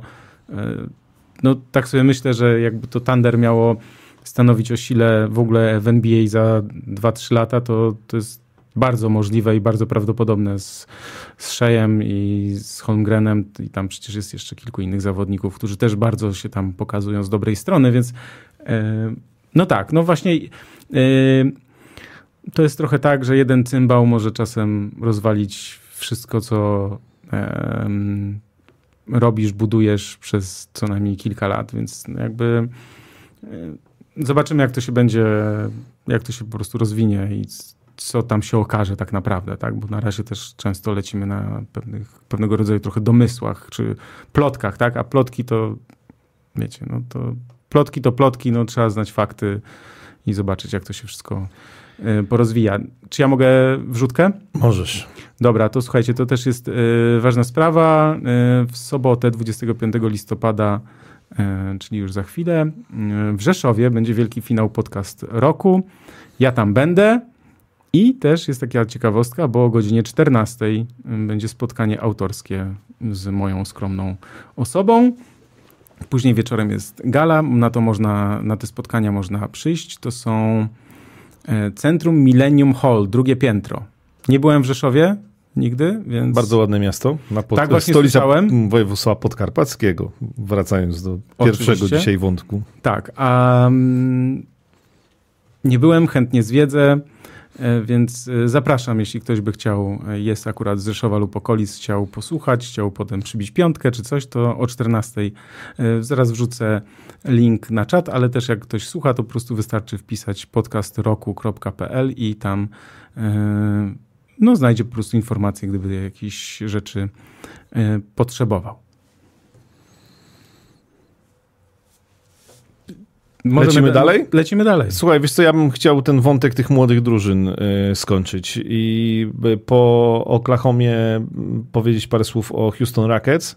Mhm. Także dlatego, że mm, to jest drużyna, której meczów akurat parę obejrzałem. Houston Rockets. Więc zawsze tak, ostatnio. Bardzo dobrze. E, więc, ja też coś widziałem więc zawsze najłatwiej się e, o takich drużynach rozmawia i e, której mecze, co najważniejsze, zrobiły na mnie naprawdę spore wrażenie. Oprócz, tak jak mówiliśmy, Oklahomy, Orlando, Houston Rockets jest tą ekipą, która jest młoda, ale już z chęciami na wygrywanie. Mieli serię niesamowitą, bo zaczęli nie najlepiej, ale później sześć zwycięstw z rzędu. To też wspominaliśmy, przerwana ta seria przez Jamesa Hardena i Clippers.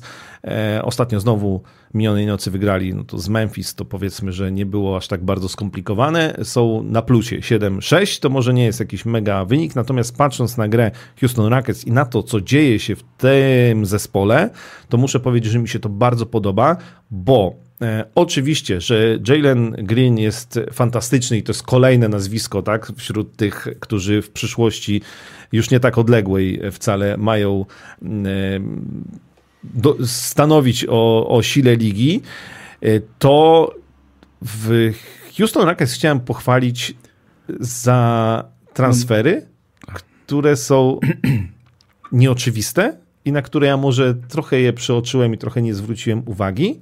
Znaczy, nie. Trochę, nie, trochę nie wierzyliśmy, że przyjście Dylona Brooksa e, i Freda Van Vlita odmieni ten zespół. Ale musimy przypomnieć, że zmienił się też trener. Ime Udoka przyszedł i to jest trener, który zmusza tych chłopaków do bronienia, bo Steven Silas jak był tam trenerem, młody człowiek też, syn legendarnego trenera, no to trochę było takie właśnie run and gun, czyli podaj do mnie, rzucamy, strzelamy i jest fajnie, wesoło, ha, ha, ha. Natomiast teraz oni zaczęli bronić, ale też ja chciałem ci przypomnieć, że ja mówiłem, że będzie, że jest tam jeden taki gość, który naprawdę jest po prostu kawał chłopa i to może być zawodnik. Ja to twierdziłem już, mam poczucie, że wcześniej i w zeszłym sezonie też. Alperen Shengun. Kurde, to jest, on jest turem takim podkoszem ale jest sprawnym turem, czyli jest taki, on trochę nie wiem, czy można go porównać do Sabonisa, ale jest, widać, że tam siła w nogach jest okrutna i on potrafi po prostu bardzo dużo dobrych rzeczy robić na boisku. I, i nie jest taki, bo ja miałem takie wątpliwości na początku, yy, jak on przychodził, to tak nie byłem pewien, czy on, wiesz, będzie taki elastyczny, nazwijmy to miękki, jeśli chodzi o tę koszykarską taką, wiesz, gibkość i taki, wiesz, miękki nadgarstek, miękka kiść, jak to mawiali. Natomiast ten gość, słuchaj. A czy ty znasz historię tego gościa? Bo myślę, że to jest e, ciekawa rzecz do opowiedzenia też w kontekście, bo takich historii nam się ostatnio zaczęło mnożyć. Myślę, że ja bym go w kontekście przebiegu jego kariery porównał do Wembaniamy i do Luki Doncicza z tego względu, że to jest przepraszam za wyrażenie, gówniarz, który w wieku 19 lat zagrał sezon w Besiktasie Stambuł. Um, w lidze tureckiej miałem okazję komentować wtedy jego parę meczów. Jakby, że, żeby nie było, e, kojarzę człowieka. E, I w Besiktasie Stambuł, który w lidze tureckiej, no to jest oczywiście firma, natomiast tam wiemy, że jest Anadolu Efes i Fenerbahce, te dwie, dwa wielkie euroligowe kluby, więc, no więc Besiktas jest gdzieś tam na drugim planie. On w sezonie 2021 został MVP Ligi Tureckiej w wieku 19 lat. Trochę jak Luka Doncic, który y, w wieku tam nastu, nie wiem, 18-19 był MVP Euroligi, trochę jak Wembaniama, który też w podobnym wieku był MVP Ligi Francuskiej. E, to nie jest łatwe, bo e, Fenerbahce i Anadolu Efes to są drużyny napchane obcokrajowcami, gwiazdami, naprawdę gwiazdami europejskiej koszykówki. On dostał, e, on dostał MVP, już wtedy się wyróżniał. Zresztą w dniu ogłoszenia go MVP on ogłosił, że przystępuje do draftu. Wybrała go, co ciekawe, Oklahoma. A, tak, tak, tak. Ciekawe, tak, tak. czy oni teraz nie żałują, bo oni byli wtedy na etapie zbierania pików w drafcie i wymienili go na dwa pierwszorundowe piki w drafcie w przyszłości do, do Houston Houston Rockets i ja oczywiście się z tobą zgadzam. Znaczy to jest chłopak, który e, jest silny e, jak Sabonis. Trochę jest, patrząc na IQ koszykarskie, to co widzi, to jakie rozdaje też asysty, e, troszkę ma z Nikoli Jokicza takiego, no właśnie, takiej inteligencji koszykarskiej. No, Troszkę. No zobacz, no, spokojnie, no na razie mówimy o bardzo młodym, 21-letnim dżentelmenie, który e, naprawdę rozgrywa fantastyczny sezon i to też polecamy w ogóle zobaczyć. Jak ktoś nie widział Houston Rockets i Shenguna, to polecamy zobaczyć. To jest kolejny z takich zawodników w stylu właśnie Wembaniama, Sabonis, y, Porzingis, czyli teoretycznie to chudy, długi i wysoki, ale wbrew pozorom całkiem silny i sprawny i potrafiący robić na parkiecie wszystko, w znaczeniu od dobrej obrony do rzutów za trzy punkty, e, więc też rozdawania asyst i tak dalej. E, natomiast też ponieważ podobnie jak, e, podobnie jak Holmgren, e, on już jest w drużynie, która wygrywa. W znaczeniu to już nie jest drużyna, która o nic nie walczy, tylko to jest drużyna, z której Ime Udoka zrobił zespół, który ma już w tym sezonie wygrywać po prostu każdy kolejny mecz jest do wygrania. Jaki tam jest ostateczny cel? No pewnie nie mistrzostwo jeszcze w tym sezonie, natomiast oni mają wygrywać, nie, nie mają tankować, nie ma tam żadnych innych planów, tylko to. Więc on jakby tam nie ma bojaźni e, i wśród kolegów, żeby mu podawać w decydujących momentach i u niego, żeby wchodzić pod kosz, kończyć akcje w decydujących momentach, kiedy ważą się e, losy e, meczu to, to on wchodzi pod kosz, to on rzuca. Czasami też momentami na półdystansie trochę Dirka Nowickiego, powiedziałbym tym rzutem, przypomina takim trochę z kolanka. Więc y, chłopak, który absolutnie niczego się nie boi, który jest młody, który w Turcji zrobił rzecz naprawdę wielką, no, możemy ją porównać z tym, co we Francji Wembaniama, chociaż Liga Turecka jest mocniejsza przecież niż francuska, e, i z którego Houston e, Rockets będą mieli ogromny pożytek. I Meudoka już zrobił bardzo szybko to, co zrobił w Bostonie i co przyniosło mu ostatecznie awans do finału. Znalazł balans między atakiem i obroną. No to, to, to o czym mówisz. Oni, oni e, grają ładnie, zespołowo, dużo rzucają, natomiast wracają do obrony. E, pracują w tej obronie i z tych, nie, jakby z tych nieoczywistych transferów, bo, bo to była grupa młodzieży, natomiast właśnie e, doszedł mm, Jeff Green, doszedł Fred Van Vliet, a więc byli mistrzowie NBA, i to już są no, zawodnicy, których jak ich ściągasz, szczególnie Van Vliet, no to nie powiesz mu, no dobra, to my tankujemy i zbieramy piki w drafcie. Nie, nie, nie. Gramy o zwycięstwo. I oni się świetnie w tej drużynie odnaleźli, natomiast no najlepiej znaczy nie wiem, czy najlepiej, ale też znakomicie odnalazł się właśnie Dylan Brooks, który już sławił się cytatem, że jest jak ta była dziewczyna, e, której to wartość... Świetne, to musisz to powiedzieć. Tak, Dion Brooks e, to szpila w kierunku Memphis Grizzlies, e, którzy go wypuścili. Powiedział, że on jest jak była dziewczyna, której wartość doceniasz dopiero wtedy, kiedy się z nią rozstaniesz. No i tylko ja nie wiem, czy Memphis Grizzlies, no czy dzisiaj pewnie doceniają, natomiast ja mam wrażenie takie, że na Dylana Brooksa nigdy w Memphis nie było dobrego pomysłu. Znaczy, to, to nigdy nie, nie było, on był tam zawodnikiem, którego potencjału do końca nie, nie, nie, nie potrafili e, ja nie trener wiem, Jenkins za...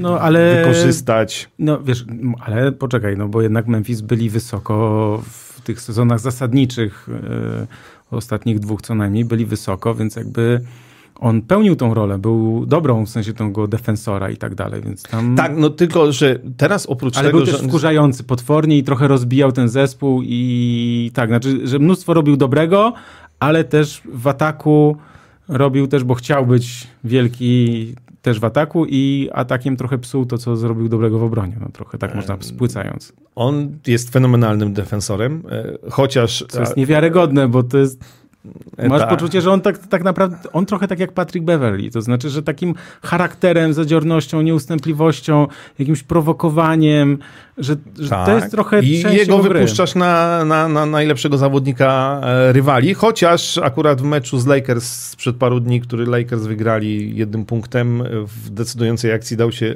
no ale LeBronowi Jamesowi zrobić jak dziecko tak naprawdę, bo LeBron go wziął na plecy i sobie wjechał pod kosz. E, i był faulowany i trafił jeden rzut wolny i tak to się skończyło. Natomiast, e, natomiast generalnie Dylan Brooks wykonuje niesamowitą pracę w obronie i jest zawodnikiem, który zamęczy każdego gracza w NBA.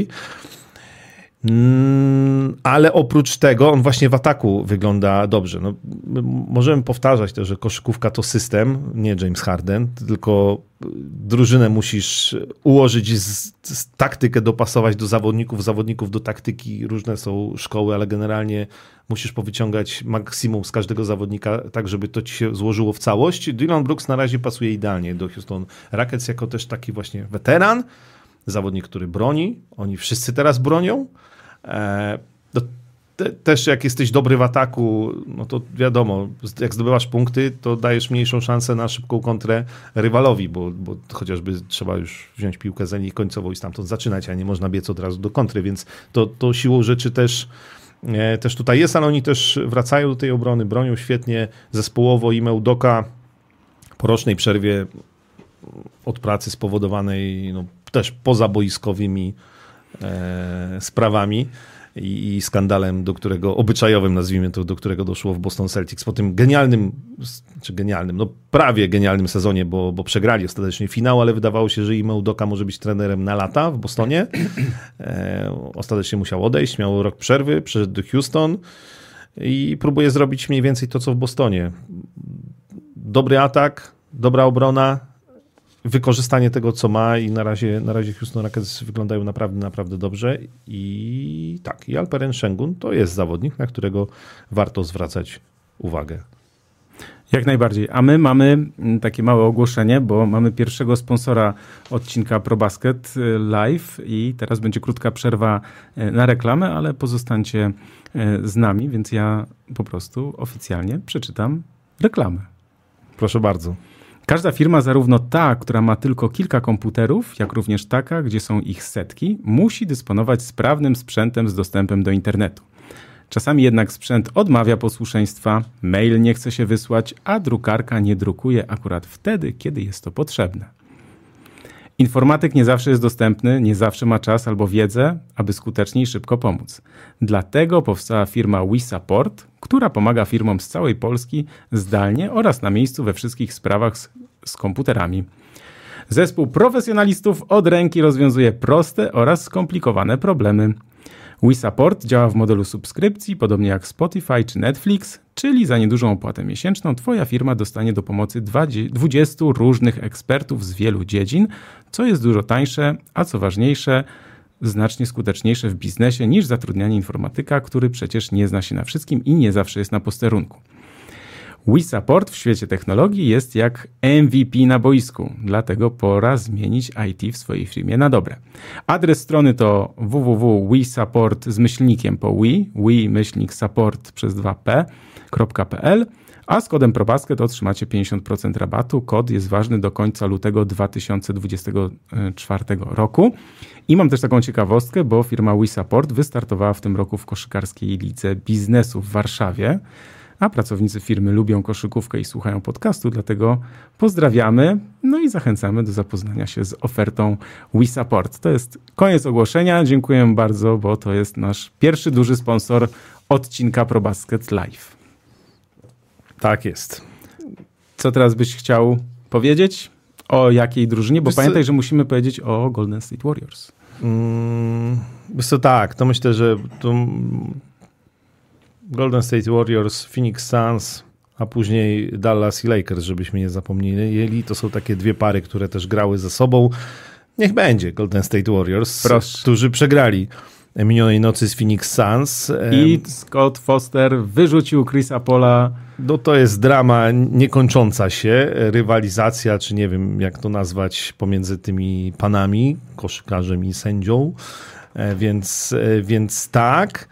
To jak ktoś nie wie, to, to po prostu trzeba sobie wpisać Chris Paul, Scott Foster i tam wyskoczy cała historia. Jest artykuł też na ProBaskecie, bo przypominam, żeby też zaglądać codziennie na www.probasket.pl. Tam jest oczywiście zawsze dużo newsów, skróty, wyniki, relacje codziennie o 7 rano w tygodniu, a w weekendy o 8 rano są wyniki. Natomiast my też e, patrzymy, obserwujemy, co się dzieje, jeśli chodzi o takie pojedyncze sytuacje i gdzieś też je zawsze wyciągamy, to znaczy no po prostu jak ktoś chce zobaczyć, jak Chris Paul znowu wyleciał z boiska, to jest po prostu oddzielny e, news o tym, więc też zachęcam. No i też przy okazji zachęcam, bo można obejrzeć e, najnowszy odcinek Shakti na Full. Ja jestem fanem co tydzień po prostu, teraz co prawda są po wtorkowej nocy, bo w zeszłym roku było po czwartkowej z TNT, ale no jest, można się troszkę pośmiać. I jest nasz e, faworyt, czyli Chet Holmgren też w tym zestawieniu, więc e, warto, e, warto sobie obejrzeć. Ale już oddaję Ci głos, mówimy o Golden State Warriors. E, Golden State Warriors, którzy grają bez e, Draymonda Greena, który zasłynął e, swoimi umiejętnościami rodem z klatki MMA, zastosował coś w stylu duszenia z zapleców na Rudim Gobercie i mm, wyleciał z boiska i dostał karę i teraz pauzuje. Tak, znaczy zawieszony został na pięć spotkań chyba, tak? A powinno być jak twoim zdaniem? Bo moim zdaniem Moim zdaniem dyszka. spokojnie. No jakby Niepotrzebnie, po... bez sensu, Zupełnie. trzymał go długo. Wiesz, ja mam takie poczucie, ja wiem, że to są wielkie chłopy, on go pewnie jakoś mocno super nie ścisnął, ale wiesz, nawet w takim... To już się, robi się niebezpiecznie. Tak, znaczy mógł mu zrobić krzywdę yy, i to taki debilizm. Ktoś zresztą chyba potem Gobert powiedział, yy, że że Draymond Green to od początku chciał wylecieć, bo... Steve bo, Kerr nie grał. E, Steve, Steve, Kerry, Steve, Steve Kerry nie grał. Steve też nie grał. Steve no, Kerr też nie grał, też ale... grał, ale Steve Kerry nie grał w tym Tak, meczu, i no. że on zawsze już nie chce grać bez Stefa, więc robi jakąś zadymę i tak dalej. Nie wiem, znaczy dla mnie głupota w sensie takim, że to, co zrobił, to jest po prostu głupie. E, tak, Golden State Warriors e, ten mecz z Phoenix Suns e, przegrali, natomiast myślę, że o Golden State Warriors y, trochę porozmawiamy też jakby szerzej. Oni w tej chwili mają bilans 7-9, są na 11 miejscu na zachodzie. To też pokazuje, jak tam jest ciasno w konferencji zachodniej. Naprawdę jest mnóstwo drużyn, które są tak mniej więcej y, na, na, na bilans mają na zero i, i czasami jedno zwycięstwo, jedna porażka w którąś stronę decyduje o tym, że jesteś w playoffach albo jesteś poza playinami, e, więc są na minusie. E, Golden State Warriors to jest drużyna na rozdrożu, bym powiedział. Drużyna, która już wiemy i o tym też mówiliśmy, że nie ziścił się taki pomysł, że ciągle walczymy o mistrzostwo, ciągle wokół Stefa e, Kerego, Kleja Thompsona, Draymonda Greena mamy, druż- znaczy mamy ten trzon drużyny, oni zapewniają nam walkę o pierścienie, ale wokół nich wymieniamy zawodników, e, mamy nowych, e, gdzieś tam z draftów, e, oni się rozwijają i oni przejmą naturalnie pałeczkę i bez tej przebudowy, bez tankowania wciąż będziemy walczyć o najwyższe cele. To się nie udało, czego jakby symbolem jest przygoda i historia Jordana Pula. Jordan Poole to w ogóle jest oddzielna historia. No tak, no ale, ale generalnie no to jest taki właśnie gość, który wskoczył w fenomenalnym stylu do tej drużyny w momencie, kiedy brakowało trochę Kleja Thompsona, kiedy tam też problem z zdrowiem miał Steph Curry. E, pokazał się znakomicie, później się wpasował, jak oni już wrócili, zdobyli razem mistrzostwo, natomiast podpisał wielki kontrakt, wiemy, a w następnym sezonie to wszystko już no skończyło się tak, że, że Jordan Poole znacznie obniżył loty i już go nie ma w Golden State Warriors. No to jest tylko przykład, bo tych zawodników e, było więcej, z którymi władze Golden State Warriors wiązały nadzieję. I, i, jest tak, że wciąż ta drużyna opiera się na e, Stefie Kerem, który jest w rewelacyjnej formie. Wciąż i to naprawdę tutaj absolutnie nie mamy co do tego wątpliwości. I pewnie Steph Curry zostanie do końca kariery w Golden State Warriors. Tak mi to wygląda. Draymond Green coraz bardziej wierzę w to, że nikt inny by go nie chciał i on też zostanie, bo on też idealnie pasuje. I do tego... Draymond Green, ale ja sobie odpaliłem, wiesz, yy, salary, czyli ten, to ile oni zarabiają, to Draymond Green ma jeszcze umowę na ho, ho, ho, nawet jeszcze dłużej niż Steph, więc no tak, on, on zostanie w tej drużynie no tak. Tak, znaczy, tak, tak. Wiesz, no zawsze mogą go wytransferować. Tak? myślę, jakby... że, myślę że, że Steph Curry i Draymond Green zostaną, być może do końca kariery jeden i drugi w Golden State Warriors. Natomiast pytanie jest dla mnie takie, co w tej chwili zrobić z Andrew Wigginsem? To jest jedno, bo to też jest zawodnik, który dobrze spisywał się w tej mistrzowskiej drużynie, a jakby nie daje moim zdaniem nic więcej dodatkowego w momencie, kiedy Golden State Warriors grają słabo. No i największe pytanie, co zrobić z Clayem Thompsonem. Tak, ja tylko, poczekaj, żeby uzupełnić to Andrew Wiggins, bo o nim tylko sekundę. On gra strasznie słabo, to znaczy ma wiesz, skuteczność rzutów za 3 punkty 23%, z osobistych 56%, ale po prostu gra słabo. To nie jest ten Andrew Wiggins, którego znamy, którego pamiętamy. On tak jakby no tak jakby mu tam wyssało moce, w sensie jak w, w tak, Space no, trochę. No. Chwaliliśmy go po przyjściu, bo to nie był oczywisty transfer do Golden State Warriors, no bo to był zawodnik, który pamiętamy, miał być liderem Minnesoty, miał być gwiazdą NBA, to się nie udało. On przyszedł, został tu tam powiedzmy trzecią, czwartą opcją w ataku, z ważnym, bardzo ważnym zawodnikiem pierwszopiątkowym e, w Golden State Warriors. I odegrał bardzo ważną rolę w finale Oczywiście. z Bostonem. Bardzo ważną, więc bardzo, bardzo tak, ważną. i naprawdę mocno się przyczynił do mistrzostwa, natomiast no, ten sezon jest fatalny w jego wykonaniu. Natomiast też z takich mm, powiedziałbym, nostalgicznych przyczyn, ważniejsze jest pytanie, co z Clayem Thompsonem. No bo jednak Andrew Wiggins to jest zawodnik, który tam w jakimś momencie kariery przyszedł. Jego wymiana czy pozbycie się go to, to nie jest coś, myślę, bardzo wielkiego. Natomiast Clay Thompson, ja znaczy, nie wiem, bo, bo trzymanie Stefa Kerego, Draymonda Greena i Claya Thompsona i liczenie na co?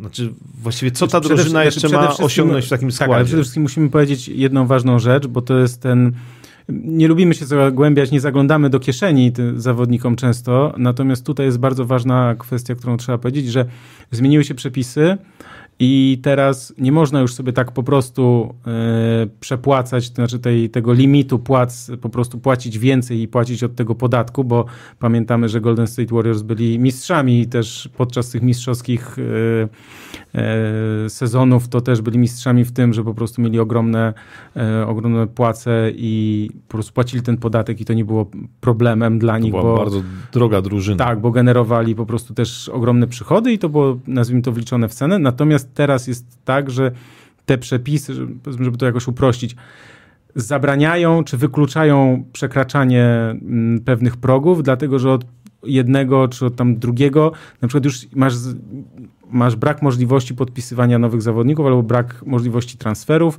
Tam jest bardzo dużo obostrzeń i nie możesz tego zrobić, to znaczy po prostu wtedy no, nie da się grać, tak? Znaczy specjalnie to wprowadzono po to, żeby po prostu takie drużyny właśnie jak Clippers, jak Warriors, żeby oni nie mogli mieć, wiesz, 100 milionów płac więcej, no bo chodziło o to, żeby no właśnie nie było tych tak zwanych dream teamów, gdzie są bogaci właściciele na przykład i mogą sobie przypłacać ile chcą.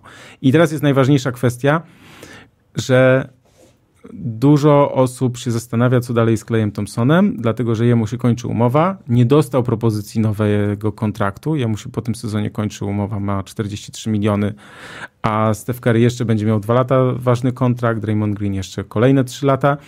Więc teraz jest pytanie, co zrobią Golden State Warriors.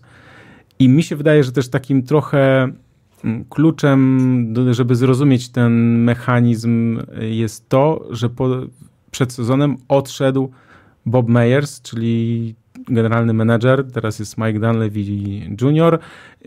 I Bob Meyers odszedł i też pytanie, czy to nie czy to nie jest taki znak, że to już jest koniec tych Warriors, że to w końcu nastąpi jakaś przebudowa, czy w ogóle mm, no, rozbicie tej wielkiej trójki, czyli Kerry, Thompson i, i Green. Oczywiście jest też ważna kwestia, bo tutaj ja się przygotowałem, więc tylko odpowiem szybko. Jest dużo zarzutów wobec Kleja Thompsona, że on gra poniżej swoich y, możliwości, poniżej swojego no wiem, to jest facet po dwóch bardzo poważnych kontuzjach, tak, ale trzeba zaznaczyć jedną bardzo ważną rzecz, no bo on w tym sezonie, żeby nie skłamać, to rzuca 15 punktów e, średnio. Miał ostatnio problemy z rzutami za 3 punkty w tych ostatnich chyba dwóch meczach trochę lepiej, natomiast to jest cały czas poniżej 40%. Natomiast jak sobie przypomnimy zeszły sezon, bo też w zeszłym sezonie wszyscy o nim, e, mówiąc najogólniej, mówili, to on poprzedni sezon, żeby nie skłamać, to on też zaczął fatalnie, bo w zeszłym sezonie w październiku rzucał 12 punktów średnio i miał poniżej 30%. Natomiast z biegiem czasu on zaczął trafiać i rzucał w pewnym momencie, nawet w styczniu miał średnią 27 punktów, w, w lutym 25, więc jakby to, że ten początek ma słaby, nie oznacza, że to już jest koniec Kleja Thompsona, tylko być może to jest tak jak w poprzednim sezonie, że też po prostu troszkę wolniejszy start, że on może potrzebuje trochę więcej czasu. Oczywiście trzeba pamiętać o tym, że to jest zawodnik, który też ma już 33 lata, więc też nie jest już taki młody i gdzieś tam to ciało y, też daje o sobie znać i to też widać, tak? To znaczy w tym pierwszym kroku E, też w obronie, bo on był, on był znakomitym obrońcą, a teraz już jest po prostu, nazwijmy to chyba, można tak powiedzieć, że tylko przeciętnym. I teraz jest pytanie takie, no właśnie to, co, to, co mówimy, w sensie to, co powiedziałeś, co dalej, bo nie możesz zatrzymać go w zespole, proponując mu takiego kontraktu, jaki miał do tej pory, bo przekraczasz wtedy już wszystkie możliwe e, przepisy i normy, te, które są nowe. Natomiast no, pytanie jest co, no, oferujesz mu nagle, nie wiem, 10 milionów za sezon? No to to jest dla takiego zawodnika, wiesz, też policzek. I teraz pytanie jest takie, co się stanie z Golden State Warriors i co się stanie z Klejem Thompsonem. E, nie wiem, czy masz na ten temat jakąś teorię, nie wiem, czy wy macie może na, na ten temat jakąś... Krystian Wróblewski pisze Clay Thompson do Chicago za, za Kalawina. Um. Tylko po co, po co Chicago Bulls Clay Thompson? No, po Wiesz, to, żeby że... mu się skończył kontrakt. Nie, nie wiem. Aha, no, no, dobra, no, no e, okej. Okay. Powiem ci tak, y, problem jest taki, może to odejście Majersa rzeczywiście jest krokiem w tą stronę, żeby tego problemu się pozbyć. To znaczy, znaczy nie, żeby pozbyć się sumienia, bo mówimy o gościu, który E, był jedną z dwóch czy trzech najważniejszych postaci tak naprawdę dynastii Golden State Warriors, jednej z najlepszych drużyn w historii NBA e, no, przez dekadę i zawsze jest trudno z takim zawodnikiem się rozstać, nie patrząc już nawet na pieniądze, tylko po prostu. No, no jest to legenda Golden State Warriors. Jest to zawodnik, którego koszulka, numer będzie zastrzeżony po zakończeniu kariery w San Francisco. Więc to jest to najważniejsze pytanie, no bo możemy odciąć zupełnie emocje i powiedzieć, no tak czysto koszykarskiego punktu widzenia, to Clay Thompson nie jest nam potrzebny już do naszej przyszłości. My z Clayem Thompsonem mistrzostwa kolejnego nie zrobimy, nie powtórzymy roku 2021. To już się tym razem nie uda e, w takim składzie. E, I no, ja myślę, że oni trochę na to liczyli, po, pozyskując Chrisa Pola, że jeszcze jeden taki, zróbmy to jeszcze, spróbujmy jeszcze raz. To znaczy, wiesz, że, że dajmy sobie jeszcze jedną szansę, bo to doświadczenie oni mają ogromne i, i będą na pewno, na pewno nie będą łatwą drużyną do pokonania w playoffach. Tylko najpierw muszą się do tych playoffów awansować. w takim razie co? Czekamy do końca sezonu i, i jak będziemy mistrzami, to podpiszemy z klejem wielką umowę, a jak I tak to nie, nie Ale wypali, i tak nie możemy, to... tego, nie możemy tego zrobić. To znaczy, no, znaczy musielibyśmy wtedy pozbyć Wigginsa, e, co też nie jest łatwe.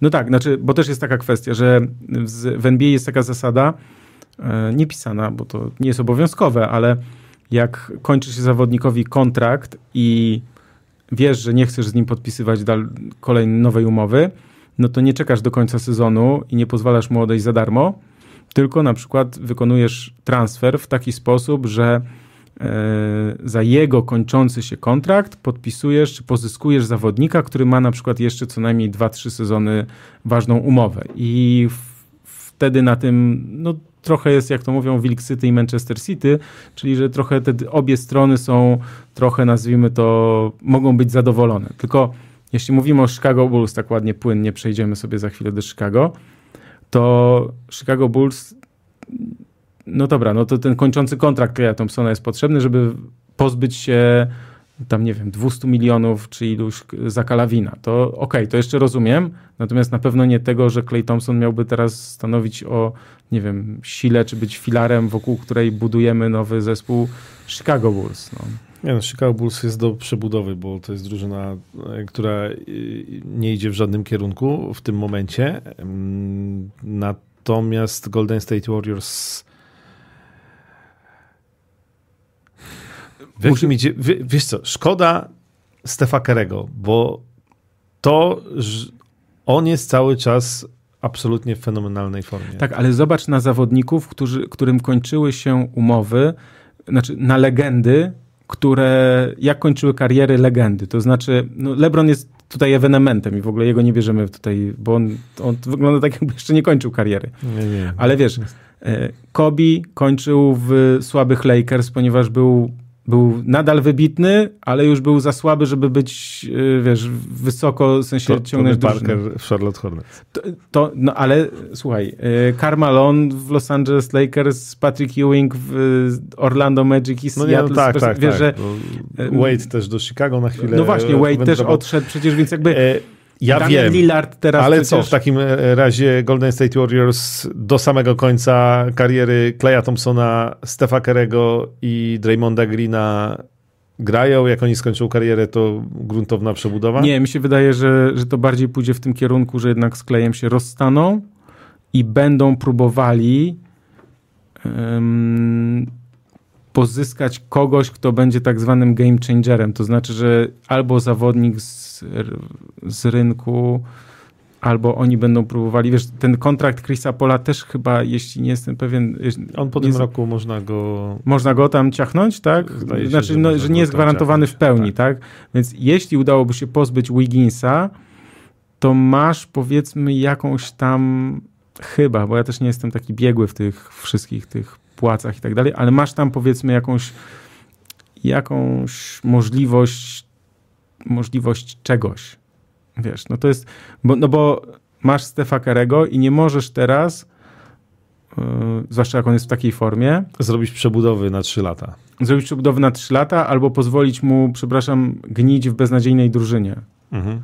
Bo to jest jakby i ty nie chcesz tego robić ze względu na swoją legendę, na legendę Stefa, na, na klub i tak dalej. Więc Trzeba zrobić szybką przebudowę i w tym celu ja się zgadzam, że warto byłoby poświęcić Kleja Thompsona. Niestety, z całym szacunkiem i uznaniem do niego, bo to jest pewnie e, jeden z najlepszych strzelców w ogóle w historii, natomiast wydaje się, że... Ale wiesz co, Wiesz, że on nam zagra na nosie i w grudniu będzie rzucał no, po 28 a, i trafiał 50% wiesz, że on w ten w ostatnim meczu rzucił 6 trójek, nie? No więc ja wiem, wiem. A Steph Curry 1 na 8. Tak, więc ja to, to, też jest śmieszne, bo ja przez dwa lata e, przewidywałem e, transfer Damiana Lillarda. Przecież dwa lata temu, jakśmy nagrywali, to ja też już mówiłem o tym, że będzie ten transfer. Ale tu, tu a tutaj teraz od, od, nie wiem, od roku czy dwóch też jakby e, wieszczymy e, upadek Golden State Warriors, po czym oni zdobyli mistrzostwo przecież dwa lata temu, tak? Więc jakby półtora, no. No, no to się kiedyś wydarzy, e, albo nie. Do, znaczy to jest ciekawe też do obserwowania, ja bym tak powiedział, w, w tym sensie, że to jest ciekawe Golden State do... Warriors i LeBron James uparli się, że są nieśmiertelni. Więc tak. No tak, ale z takim Stefem, wiesz, no... Ale Stef, ja pamiętajmy o jednej rzeczy, Stef też ma, on ma 35 ja lat. Wiem, wiem, ale na razie nie wygląda.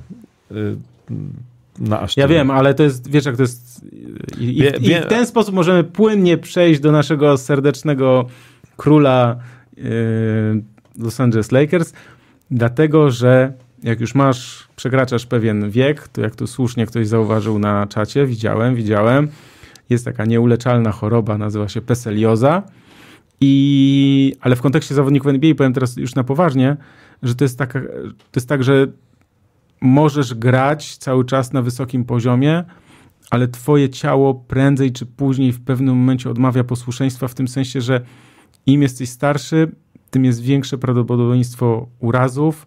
Tak jak LeBron był robokopem i niezniszczalnym był przez wiele, wiele, wiele lat. Potem pachwina, e, tam chyba skręcona kostka było, też go wyeliminowała na długo z gry. Zaczęły się problemy i teraz Pomijając już to, że jak wstajesz, to wszystko boli, a w wieku 23 lat, jak wstałeś rano, to nic ci nie bolało. No tak, a wracałeś z imprezy o 5 i szedłeś o 7 rano na trening. No to, to tak też mm, wielu pewnie funkcjonowało, natomiast no, już w pewnym momencie się nie da. No, absolutnie się nie da. No. E, czyli co, miniemy Phoenix Suns dzisiaj? Nie no, mamy jeszcze pół godziny. No. Było tak? To LeBron? No, czy zatrzymamy się na chwilę przy Phoenix? Bo, bo ja nie wiem, czy odnośnie Golden State Warriors możemy coś jeszcze mądrego nie, powiedzieć. dobrze, st st my już sprzedaliśmy Claya Thompsona, już się go pozbyliśmy, a zobaczymy, co wymyślą w San Francisco.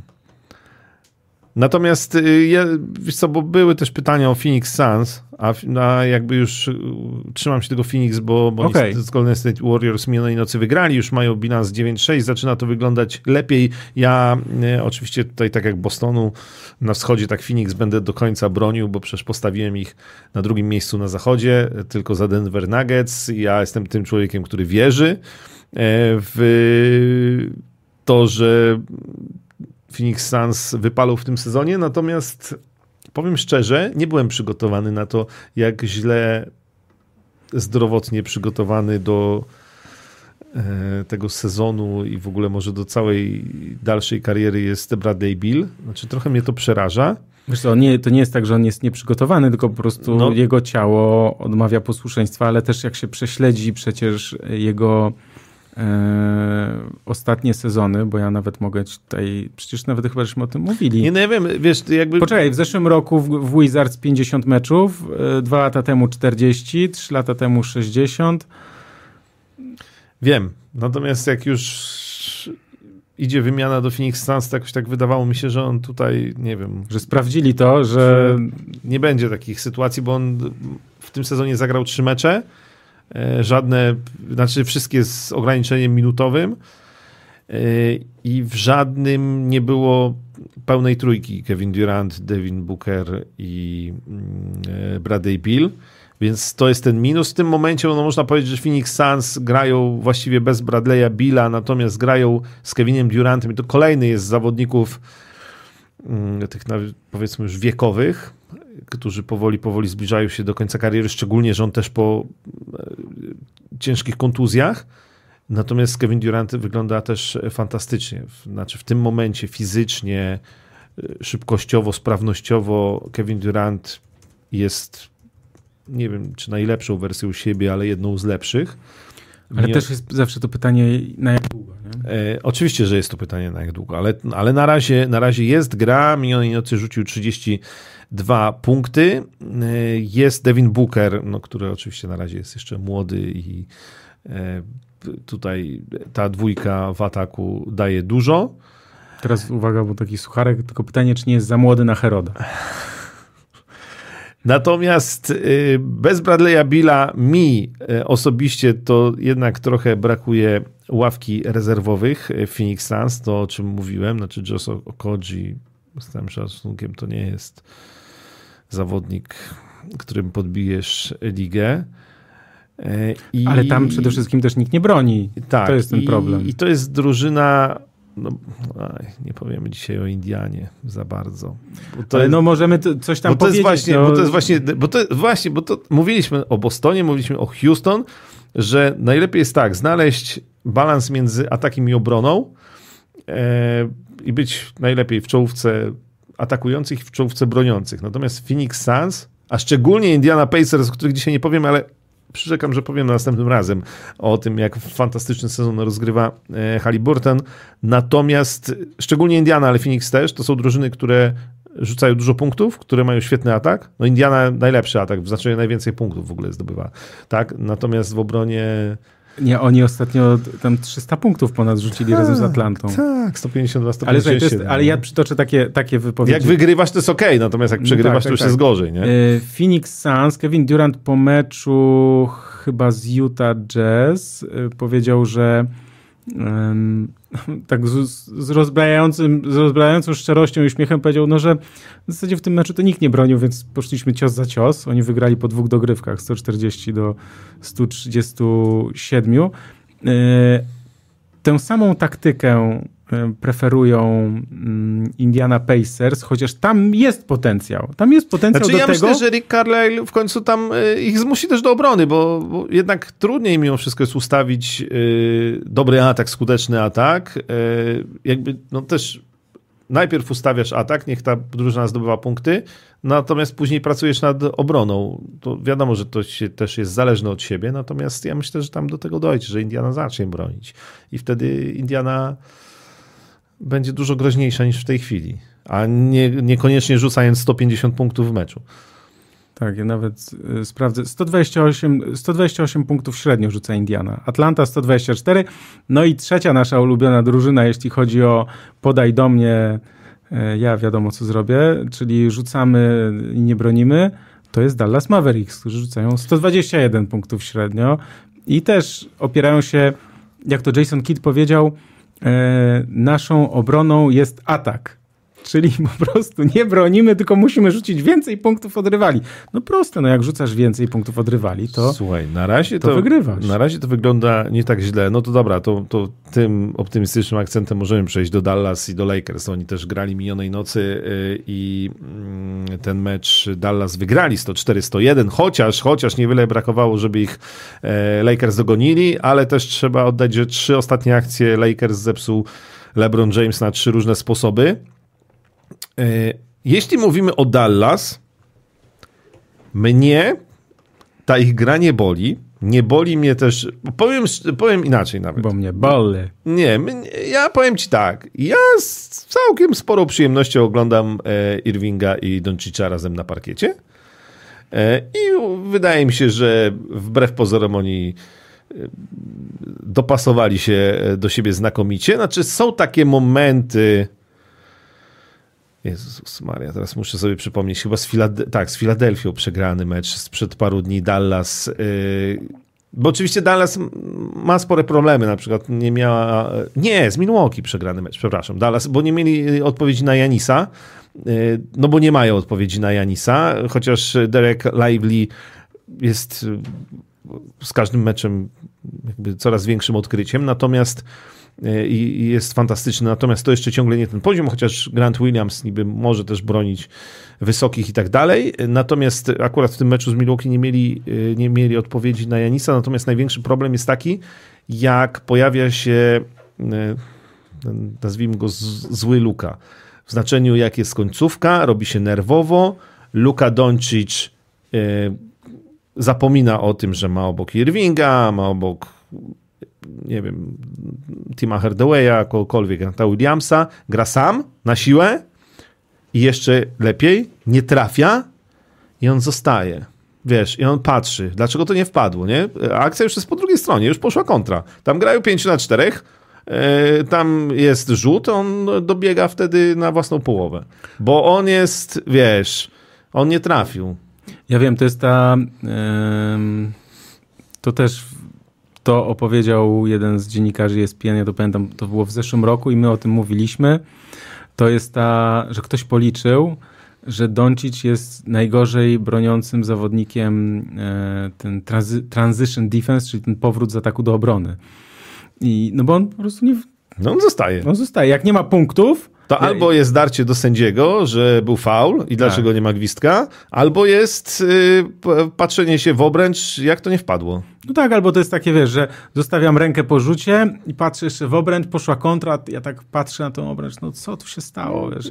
Stary numer, no. I, ale y, też muszę przyznać, że e, długimi momentami tego Doncicza nie ma, że e, po, po pierwsze Doncic jest przygotowany do sezonu fizycznie, co nie zawsze było e, tradycją.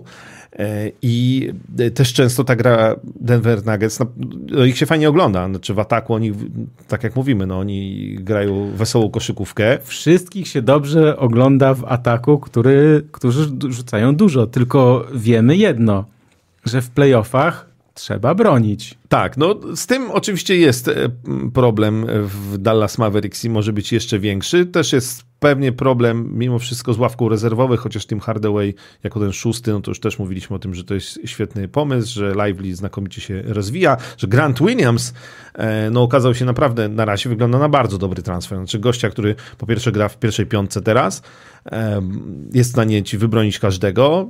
W ataku też od czasu do czasu się przydaje, chociaż różnie to wygląda, więc y, tak, no i ja z przyjemnością oglądam Kerry'ego Irvinga i Lukę Doncicza ale to się, słuchaj, ja się zgadzam, absolutnie. To się wspaniale ogląda. Przecież, tak. Ja od zawsze mówiłem, że Kyrie Irving to jest wirtuoz. On gra tak pięknie na tych skrzypcach, że chcesz siedzieć w tej filharmonii 8 godzin i słuchać. No, to, jest, to jest jakby, to nie ulega, wiesz, Natomiast jeszcze jedno do Doncicza.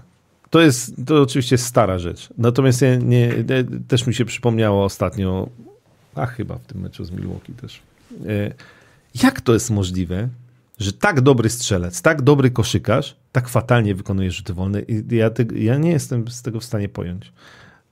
No dobra, akurat w tym meczu z Lakers 7 na 8. Natomiast on ma takie mecze, że on puduje e, seryjnie te rzuty wolne i, e, to jest dla mnie nie do pojęcia, dlaczego Luka Doncic nie jest w stanie wypracować porządnego rzutu wolnego na poziomie ponad 90% jakby w perspektywie sezonu. Nie, nie, nie znaczy, nie... wiesz, to jest... No, tu, to akurat będę go bronił, to znaczy dla mnie no poniżej 80 to on nie powinien, on powinien mieć 80, tak? W sensie ma 70 75. No, oczywiście powinien mieć około 80. O, idealnie by było, gdyby miał 90. Natomiast ja też nie uważam, że on jest takim super wybitnym. Yy... Nie no jest. No. Znaczy... Nie, no nie, no nie, no on powinien, nie. Tak, no, no Jeszcze, z, tak powiem, z europejskiej szkoły, mhm. e, no nie, no powinien lepiej wykonywać rzuty wolne.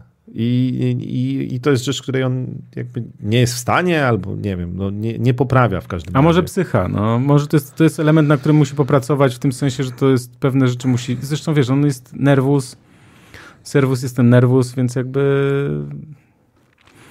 Nie wiem, zobaczymy. Słuchaj, ja, ja bym. Y, odnośnie Dallas, ja bym był mimo wszystko jednak ostrożny, dlatego że to jest zespół, w którym się jeszcze mnóstwo może wydarzyć, oczywiście dobrego, ale też takiego też trudnego. No, zobaczymy, bo oni teraz grają e, w, w Los Angeles, grają z Clippersami, potem z Houston Rockets, z Memphis.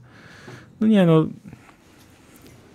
nie wiem, nie wiem, nie wiem. Yy, taki znak zapytania bym sobie troszkę przy nich postawił. To znaczy, nie jestem przekonany, że to jest, a tak, to jest Dallas, którzy będą tutaj na pewno tacy super mocni. Nie, no ale tak playoffy. Nie, nie, no to wiadomo. No. To Chodzi... tak. Bo pytanie było takie na, e, tym, na czacie, więc y, tak, playoffy tak. Chociaż nie obraziłbym się, gdyby trochę się jeszcze tutaj wzmocnili albo właśnie w kierunku defensywy e, trochę poszli. E, wygrali z Los Angeles Lakers. Los Angeles Lakers którzy w tym momencie mają bilans 9-7 i są na siódmym miejscu, Los Angeles Lakers, którzy grają no właśnie tak w kratkę byśmy powiedzieli, raz lepiej, raz gorzej, wygrywają, przegrywają, różnie im się wiedzie, natomiast to, co warto powiedzieć, e, to jest forma LeBrona Jamesa, e, no więc jakby wracamy do tego tematu, który tutaj już napomnieliśmy o tym. Robocop, cyborg, gość, który jest niewiele młodszy od nas, a wygląda i gra na poziomie absolutnie abstrakcyjnym. Gra Los Angeles Lakers, mimo że Anthony Davis w tym sezonie jest w miarę zdrowy i gra na niezłym poziomie, gra Los Angeles Lakers jest uwieszona na LeBronie Jamesie. Zresztą w tym przegranym meczu z Dallas trzy ostatnie akcje były grane na niego. Wszystkie trzy na różne sposoby zepsuł, znaczy nie trafił na dogrywkę. Wcześniej próbował dogrywać do e, Antonego Davisa. Był przechwyt, wcześniej był rzut niecelny. Natomiast, natomiast mm, są też mecze, w których w tych końcówkach LeBron nie zawodzi. Znaczy, żeby nas to nie zmyliło. Teraz próbowałem sobie Żeby te plusy nie przysłoniły tak, minusów. Houston, ale poczekaj, bo jeszcze je... Albo minusy plusów, oczywiście. Za, za, dużo meczów, bo była, była, był też taki mecz. Jednak sobie, gubisz się w zeznaniach. No. Z kim oni grali? Nie, że była, wiesz co, y, piłka u Lebrona, bo najbardziej denerwująca akcja Lebrona to jest to, że on sobie kozuje, kozuje, kozuje i, wali, i, i wali truje z 9 metrów, nie? Tak, to jest... I to był mecz, y, nie pamiętam z kim, natomiast to, to, to sama końcówka jakby, decydujące momenty, a nie wiem, czy nie jest Houston Rockets też, e, tylko zanim, zanim ten rzut wolny decydujący o zwycięstwie, to chwilę wcześniej, jak tam w okolicach remisu było. No i LeBron to robi, bo e, dwa, dwie wcześniejsze akcje tak zagrał i spudłował w tym, jeden fatalnie spudłował. I, i znowu jest to, że on kozuje, kozuje, kozuje, i składa się do tej swojej trójki i nagle oddaje piłkę do Austina Reevesa, który stoi, wiesz, jakby miał kieszenie, to by trzymał ręce w kieszeniach na dziewiątym metrze i Austin Reeves nagle dostaje piłkę, kończy się czas 24 sekund, czyli oczywiście wsadza go na minę, tego biednego Reevesa, na dziewiątym metrze z czterema sekundami na zegarze. E, no i co Reeves robi? Reeves bierze i rzuca, nie? I trafia. E, no i happy end tak zwany, nie? LeBron ma asystę, Reeves super trójkę, e, pięknie, nie? Tam, więc brawo. Jak to się u mnie mówiło, nie gramy na farty. Tak, no więc, y, no ale generalnie LeBron James kończy, y, kończy mm, y, najważniejsze akcje w meczu. LeBron James, już abstrahując od tego, co zrobił w meczu z Dallas, że mógł lepiej, mógł doprowadzić do dogrywki i tak dalej i, i że irytują mnie te jego trójki. On więcej w tym sezonie też rzuca trójek takich po, po prostu po złapaniu piłki bez kozła, to też mu trzeba przyznać. E, jak wchodzi pod kosz, e, no to ciągle jest bardzo często nie do zatrzymania, przynajmniej przepisowo nie do zatrzymania. Robią wrażenie oczywiście takie obrazki, to też chyba przed tym meczem z Houston ESPN pokazało tam z, w prawym rogu telewizora ekranu była godzina podana, że 4 godziny przed meczem, wiesz, puściutka hala już taka gotowa do meczu, te krzesełka już yy, dla rezerwowych, tam wszystkich, ale, ale pusto. I LeBron yy, robiąc sobie rzutówkę, tak? Przyszedł 4 godziny przed meczem i sobie, i sobie rzuca, nie? No, Jakby, chyba się dogadali, żeby to, to Wiesz, to jest fajny obrazek, ja wiem, ja, ja wszystko rozumiem, ja, to jest fajne, wzruszyłem się, fajnie sprzedane w telewizji. Natomiast gdzieś tam mam wrażenie, że w szerszym kontekście to pokazuje, że on ma absolutnie niesamowitą, wciąż niesamowitą motywację do tego, żeby wygrywać. Nie tylko grać, ale wygrywać. Znaczy, on mógłby zakończyć karierę, zostać biznesmenem, bo tych biznesów ma mnóstwo, e, robić to, co robi Magic Johnson albo Michael Jordan na emeryturze. Natomiast z drugiej strony jest ten LeBron, który ciągle chce wygrywać, który ciągle nie chce 28 minut spędzać na parkiecie bo tak by było lepiej dla jego ciała, tylko chce być na tym parkiecie w każdym najważniejszym momencie i wychodzi z tego 36 minut. E, I, i trzeba to naprawdę nawet nie szanować, tylko się tym zachwycać, bo, bo jego w końcu e, zaraz zabraknie, a to jest gość. Unikatowy. No to jest najlepszy zawodnik minionej dekady, 15 lat. No, no to, a LeBron James jeden na pokolenie, tak? Jeden... Absolutnie. Y, wiesz, znaczy jego niesamowita, znaczy to, że on tyle rzuca i też ma bardzo dobrą skuteczność, bo to też jest ciekawe, bo wiesz, on ma ponad 40% za 3 i prawie 60 z gry w ogóle, więc to jest niesamowite. LeBron James jest wielki, cały czas jest królem, to jest w ogóle nie ulega w ogóle jakiejkolwiek dyskusji. Natomiast pytanie jest takie, co się dzieje z pozostałymi graczami Lakers. Austin Reeves miał trudny początek, on przeszedł potem tak z pierwszej piątki do, na rezerwowego i to zaczęło gdzieś tam chyba nawet lepiej wyglądać. Wydaje mi się, że na razie mm, trzeba powiedzieć też to, że no, Torin Prince troszkę więcej się po nim jednak ja spodziewałem. Fajnie tam Cam Reddish, którego jestem fanem w ogóle, mm, to gdzieś tam on w pewnym momencie miał jakiś przebłysk, ale to tak naprawdę jeszcze tej mm, nie ma tego, takiej stałości w tym wszystkim, nazwijmy to. Gabe Vincent na razie zagrał cztery mecze tylko, więc on też miał pomagać, tak? On miał być tym rozgrywającym, ale do Gabe'a Vincenta ja mam w ogóle jakąś taką inną teorię, ale to, to zostawił. No i też ja więcej się spodziewałem po Jacksonie Hayesie. Więc jakby Jackson Hayes myślałem, że będzie dawał po prostu więcej, on tam wchodzi tylko na chwilę i tak naprawdę to wiesz tam.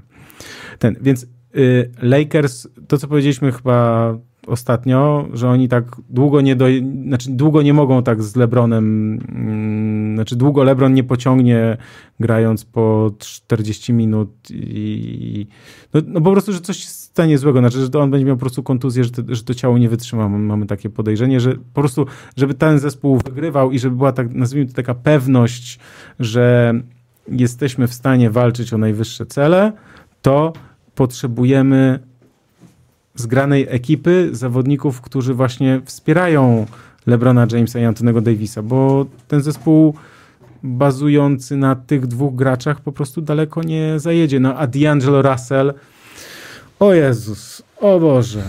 Ja po prostu nie wiem, nie wiem, to jest gość, który mnie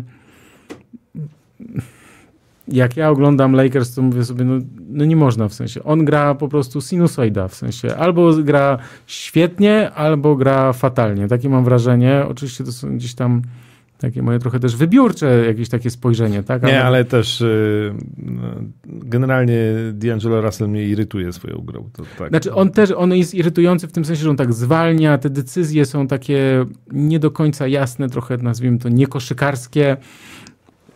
On dużo, wiesz, klepie, ten rzut jest taki z, ze stójki, w sensie takim, że on jak trafia, no to w ogóle super, nie? Tylko, że no właśnie mnóstwo jest takich sytuacji, kiedy on właśnie, albo kończy z czterema punktami, albo z 28. No. I, te, I wiesz, i też to, to jest też trochę to, że on też w playoffach też była taka sytuacja, że on znikał, tak? W sensie, i nie możesz tak grać, w sensie lepiej, żeby on dawał te 15, ale w każdym meczu, niż ma dawać raz 4, raz 30, no bo to jest jakby ciężko, ciężko się tutaj w ogóle coś robi. Y, dobrze, słuchaj kolego, bo y, zostało nam niewiele czasu, a ja jeszcze chciałem powiedzieć o takiej rzeczy, że przypominam, że kolejne podcasty, bo my nagrywamy na razie co dwa tygodnie, następny 7 grudnia, a potem 21. Już jesteśmy na to umówieni, prawda? Mhm, tak. No, więc proszę sobie zapisać w kalendarzu 7 i 21. Tak, 7 i 21 grudnia. Tak, przypominam też o możliwości, że można nam postawić kawę tak zwaną wirtualną ale to mm, jest link w opisie i też zaraz wrzucam na czat, bo jest y, taka możliwość. Natomiast też chciałem powiedzieć bardzo ważna rzecz, ponieważ jutro my nagrywamy w czwartek, a jutro jest piątek, bo czwartek jest dniem przed piątkiem, e, nawiązując do pewnego myśliciela. E, więc jutro jest Black Friday. I na ProBaskecie już się ten Black Friday zaczął. I to powiem ci, że na grubo. To znaczy, jeśli macie wątpliwości, bo ja dzisiaj też wysyłałem newsletter i też dawałem znać yy, dlatego, że naprawdę bardzo warto sprawdzić te oferty, które są, zwłaszcza żeby sprawdzić yy, oficjalny sklep Nike, bo tam wjechała taka promocja. Ja to mówię dlatego, że naprawdę warto sprawdzić. Nie dlatego, że tutaj jest jakaś oferta w stylu tam 10% po prostu zniżki. sprawdźcie. Po prostu sprawdźcie. Wrzucam e, link do artykułu e, o tej promocji, dlatego że trzeba ją trzeba przeczytać, żeby tam wszystkie niuanse wyłapać. Natomiast jest kod e, rabatowy, który daje dodatkowe 25% na produkty już przecenione, więc ja tam znalazłem, wiesz, buty Luki Doncicia na przykład zamiast mam zamiast 500 chyba kosztują 260 czy coś takiego i rozmiarówka jeszcze całkiem tam była dosyć duża. E, mnóstwo jest rzeczy i po prostu zachęcam Was do sprawdzenia mm, na ProBaskecie, dlatego że też jest promocja New Balance'a, jak ktoś lubi buty marki New Balance. Jest Timberland, także i jutro będą kolejne promocje, więc naprawdę Black Friday z ProBasketem polecam bardzo, bardzo. W SK Store też jest, e, dzieją się różne rzeczy, więc... Więc tutaj po prostu polecam, zachęcam, żeby zajrzeć i kliknąć też przez ProBasket, bo oczywiście podcast oglądacie też w dużej mierze dzięki temu, że po prostu mnóstwo wielu z Was wchodzi na ProBasket i czyta, ale też wchodzi, czyta i klika w te linki, bo te linki są afiliacyjne, czyli to oznacza, że my po prostu mamy z tego taki malutki procencik i dzięki temu możemy też się tutaj spotykać i sobie gadać o NBA. Słuchaj, yy, Maciek mówi i Mirek też mówi, że Minnesota. No. Po, powinniśmy po trzy godziny yy, gadać. No, po cztery w ogóle. Słuchaj, yy, no i yy, nie powiemy dzisiaj nic o Miami, bo też się pojawiało, ale przyrzekam, Miami też dopisuje do Indiany, Sacramento i Nowego Orlanu. Yy, o Orlando tak naprawdę niewiele powiedzieliśmy, no ale dobra, nie da się w każdym odcinku o wszystkich mówić. Filadelfia grała z Minnesotą, Minnesota wygrała ten mecz, Filadelfia bez Joela Embida. Natomiast y, y, to naprawdę musimy w jednym zdaniu. Ja w jednym zdaniu o Filadelfii chciałem coś powiedzieć. Poczekaj, najpierw Minnesota. Najpierw Minnesota. Filadelfii ja mam pięć zdań, więc o matko, najpierw dobra. Minnesota. Najpierw Minnesota. Minnesota jest najlepszą drużyną konferencji zachodniej w tym momencie e, i z drugim bilansem w ogóle w lidze. E, Minnesota gra rewelacyjnie, co mnie niezwykle cieszy. E, Antony Edwards jest absolutnie nie do zatrzymania. 31 punktów przeciwko Filadelfii, chociaż powtórzmy bez Embida, więc to tak ten, ale ogólnie w tym sezonie e, te statystyki ma fenomenalne. Istnieje życie z Karlem Antonym Townsem i Rudim Gobertem, e, czego też byłem orędownikiem. Że byłeś, tak? No oczywiście, że tak.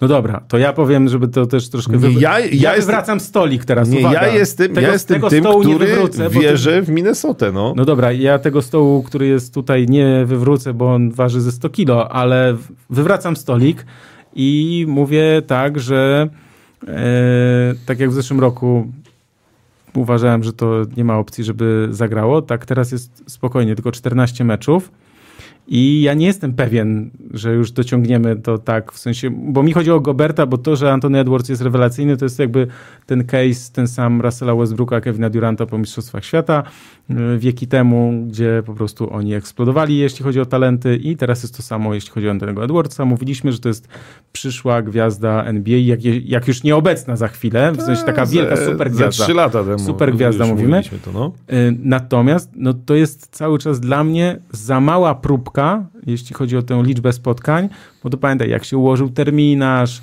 to, że oni wygrali te kilka ważnych meczów, w sensie tam wiem, że z Bostonem i tak dalej, teraz z Filadelfią, okej, okay, tylko ja bym był po prostu Ale ja ich nie, nie typuję jeszcze na mistrza, wiesz? A, jeszcze nie, no to dobrze. Nie, ale, ale e, na playoffy jak najbardziej. Ja też mam w pamięci, że oni już jednak ten poprzedni sezon traktuje trochę taki jako taki, nazwijmy to, startowy e, do przetarcia. E, Rudy Gobert, to sąd, ja mogę ci powtórzyć. On oczywiście nie jest wart takich pieniędzy, jakie zarabia, w moim mniemaniu, natomiast e, Natomiast to, że on się mieści z Karlem Antonym Townsem na parkiecie, to ja nie mam żadnych wątpliwości, szczególnie, że Karl Antony Towns woli być zawodnikiem e, na pozycji 4, woli wyjść sobie daleko od kosza, rzucić trójeczkę. A Rudy Gobert pod obręczą z jednej i z drugiej strony potrafi być nie do powstrzymania, szczególnie, no oczywiście, no, szczególnie w defensywie, no ale to też jest bardzo duża rzecz, że, że Rudy Gobert jest oczywiście świetnym defensorem, więc, y, więc wygląda Minnesota Timberwolves na razie bardzo dobrze. Ja, ja to traktuję trochę nie jak te ile? 13 meczów, czy ile oni zagrali, tylko jednak już 14. 14. Już jako taką trochę kontynuację tego, co działo się w poprzednim sezonie. Ja myślę, że w poprzednim sezonie już ta Minnesota się rozwijała, znaczy tak, jako drużyna kształtowała mieliśmy wokół takie wątpliwości, tak, no mieliśmy wątpliwości, cały czas gdzieś ten, w trakcie wakacji też był ten, ten temat po, powtarzany, w sensie, że chyba Towns nie może z Gobertem i tak dalej. Ja, słuchaj, yy, odrobię pracę domową, obejrzę teraz jeszcze kilka spotkań, bo tak teraz miałem tylko wybiórczo i będę się przyglądał tak z lupą i odpowiem na to pytanie za dwa tygodnie, czy... Yy, czy krzykniemy wtedy, ja tu widzę potencjał, czy krzykniemy... Też bardzo przyjemnie ogląda, ale oni też dobrze bronią. No, tak, znaczy to jest to akurat, to akurat zauważyłem, bo tam i jest atak i obrona, więc tu, tu widzę ten potencjał. Nie? Ja trochę po prostu mam wątpliwości co do Townsa ogólnie. Natomiast o Filadelfii, bo to też ja chcę powiedzieć i tutaj musi nam realizator po prostu e, wybaczyć, bo bardzo ważna kwestia jest, jeśli chodzi o Filadelfię, bo oni mają, znaczy świetna ta zmiana, w sensie odejście Hardena to jest po prostu najlepsza rzecz, jaka im się przytrafiła od wielu, wielu lat. Yy, natomiast mają problem z rozegraniem, kiedy Maxi nie jest na boisku. I to jest jakby zauważalne, bo zdarzały się mecze, kiedy oni z yy, Tyrisem Maxi byli na plus i on siadał i robiło się zero, a potem minus. I on wracał i musiał odrabiać. I yy, Kelly Oubre, który w ogóle miał wypadek, co jest jakąś straszną historią, w sensie takim, że on nie wiadomo kiedy wróci. No niby w tym sezonie ma wrócić. Podobno wpadł pod, pod samochód, pod samochód, wpadł, go samochód go potrącił. No jakaś strasznie smutna y, historia, bo on strasznie, on dużo, dużo rzucał, po 16 punktów na mecz. Ta zmiana przyjście Batiuma, przyjście Covingtona, ale przede wszystkim e, uruchomienie Tobiasa Harrisa to jest świetna rzecz. Trener Nick Nurse robi znakomitą robotę. Natomiast to, co jest ważne, E, pytanie, jakie w Filadelfii muszą sobie zadać i muszą szybko znaleźć odpowiedź, to czy chcą próbować pozyskiwać Zakalawina, czy to jest gracz, który jest im potrzebny w ogóle, czy nie lepiej byłoby pozyskać jednak rozgrywającego, takiego zmiennika dla Tyrisa Maxiej, Maxieja? Maxiego? Tak, Tyrese Maxi potrzebuje po prostu zmiennika i wiesz co, a może Filadelfia powinna się skusić, nie po Lawina zgłosić, tylko bardziej po Alexa Caruso albo po Demara DeRozena.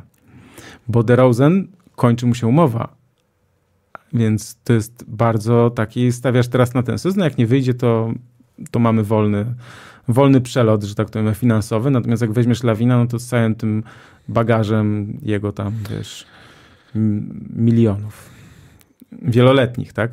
Dobra, to są pytania, które stoją przed Filadelfią, ale ja chciałbym z trochę jeszcze też innej strony do tego podejść, bo tam w jednym z komentarzy po poprzednim podcaście dostaliśmy też taki wpis od jednego z naszych widzów, że za mało e, podkreśliliśmy e, to, jak ważne dla, jak ważne dla Filadelfii okazało się pozbycie do Cariversa i zatrudnienie Nika Nersa, więc mm. podkreślamy, znaczy to, nie, to nigdy nie jest tak, że zawodnicy grają sami.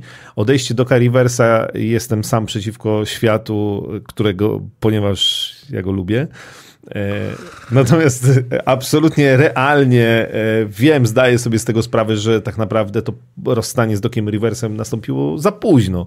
To, to powinno się wydarzyć przynajmniej rok wcześniej. E, przyszedł Nick Nurse, który no, jeszcze pamiętam, jak, jak przy okazji, kiedy on zdobywał Mistrzostwo z Toronto, jak mówiliśmy o tym, e, jak on tam kombinował z obroną. E, to jest trener, który uchodzi właśnie za takiego, który nie boi się eksperymentować, czasem nawet ryzykować, stawiać, ustalać nieoczywistą właśnie obronę, strategię i tak dalej. Ta obrona, nazwijmy to strefowa. E, to mnóstwo tam rzeczy wtedy, wtedy z Markiem Gasolem, jakby dyrygującym tą obroną. Natomiast też, też takim y, trenerem, który uchodzi za takiego, który potrafi dotrzeć do zawodników e, i wpływać bardzo na to, to się później przenosi na, na boisko. Znaczy, Doc Rivers ma gadane, natomiast z tymi największymi nie, nie, nie, problemami... Ja muszę, ja muszę ci przerwać, bo musimy kończyć. Ja jestem, ja tylko powiem jedną rzecz, że po prostu tak jak... Yy, to już jest dziad gadka dziadersa albo boomera, mi ESPN rozbija całą frajdę po prostu z oglądania NBA, bo najpierw e, Ale Rachel, to jest... Collins, Rachel Dobrze, bo Doc Rivers komentuje, tak? I teraz słuchaj, nie da się tego słuchać. Ale, poczekaj, ale to ja powiem ci z drugiej strony. I, e... I rozbili moją ukochaną trójkę Marka Jacksona, Mike'a Brina i Jeffa Van Gandiego. To jest po prostu Dobrze, skandal. Natomiast y, to teraz powiem inaczej. To po, popatrz na to z drugiej strony, już abstrahując od tego, czy się da, czy nie da do Riversa słuchać jakie to jest fajne e, w amerykańskim sporcie, telewizji, mediach. No oczywiście jakby jest zdecydowanie więcej postaci, sportowców, trenerów. Gość traci pracę e, w klubie NBA, gość, który jest jednak e, trenerem, który zdobył mistrzostwo w swojej karierze i tak naprawdę następnego dnia już go widzisz jako komentatora komentującego mecze.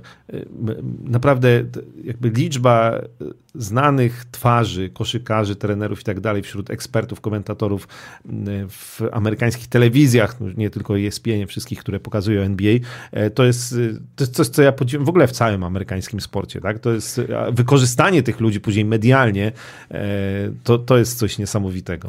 A wiesz, kto ostatnio ogląda? Oglądałem ostatnio jeden mecz, oglądałem kilka, ale no. jeden mecz oglądałem, który komentował, wiesz kto? Nie wiem. Bob Meyers. No. No, Czyli no, były no. generalny menadżer Golden State Warriors. Proszę bardzo. Więc Dobra, tak. Y, tak, kończymy. Przypominamy, widzimy Natomiast się... jak y, no. Tyrese Maxi dostanie jakąś nagrodę, albo będzie w meczu gwiazd, albo będzie dostanie y, ten największy postęp, MIP, tak. to będzie też y, zasługa trenera Nersa, bo na pewno, na pewno, na pewno, na pewno na pewno. Time out, time out. O Miami powiemy za dwa tygodnie. Tak, widzimy się 7 grudnia, potem 21 grudnia. Pamiętajcie o łapkach e, w górę. E, rzuciłbym jeszcze sucharem na szybko, ale nie mam już e, nic w zanadrzu. E, więc co? E, kończymy. Pamiętajcie łapka w górę. Orlando też powiemy za dwa tygodnie. Tak, wszystko powiemy. O wszystkim powiemy. Nie, dobra. Y, będzie zakaz mówienia o Bostonie, Filadelfii, Clippers. Będziemy mówić o Orlando, Sacramento i Tak, i oglądalności Miami. będą czterech. Nie, będzie więcej. Będzie. Tak. Dobra, y, dziękujemy. Y, żegnamy się. Życzymy spokojnej nocy, udanego Black Friday i trzymajcie się ciepło. Do zobaczenia.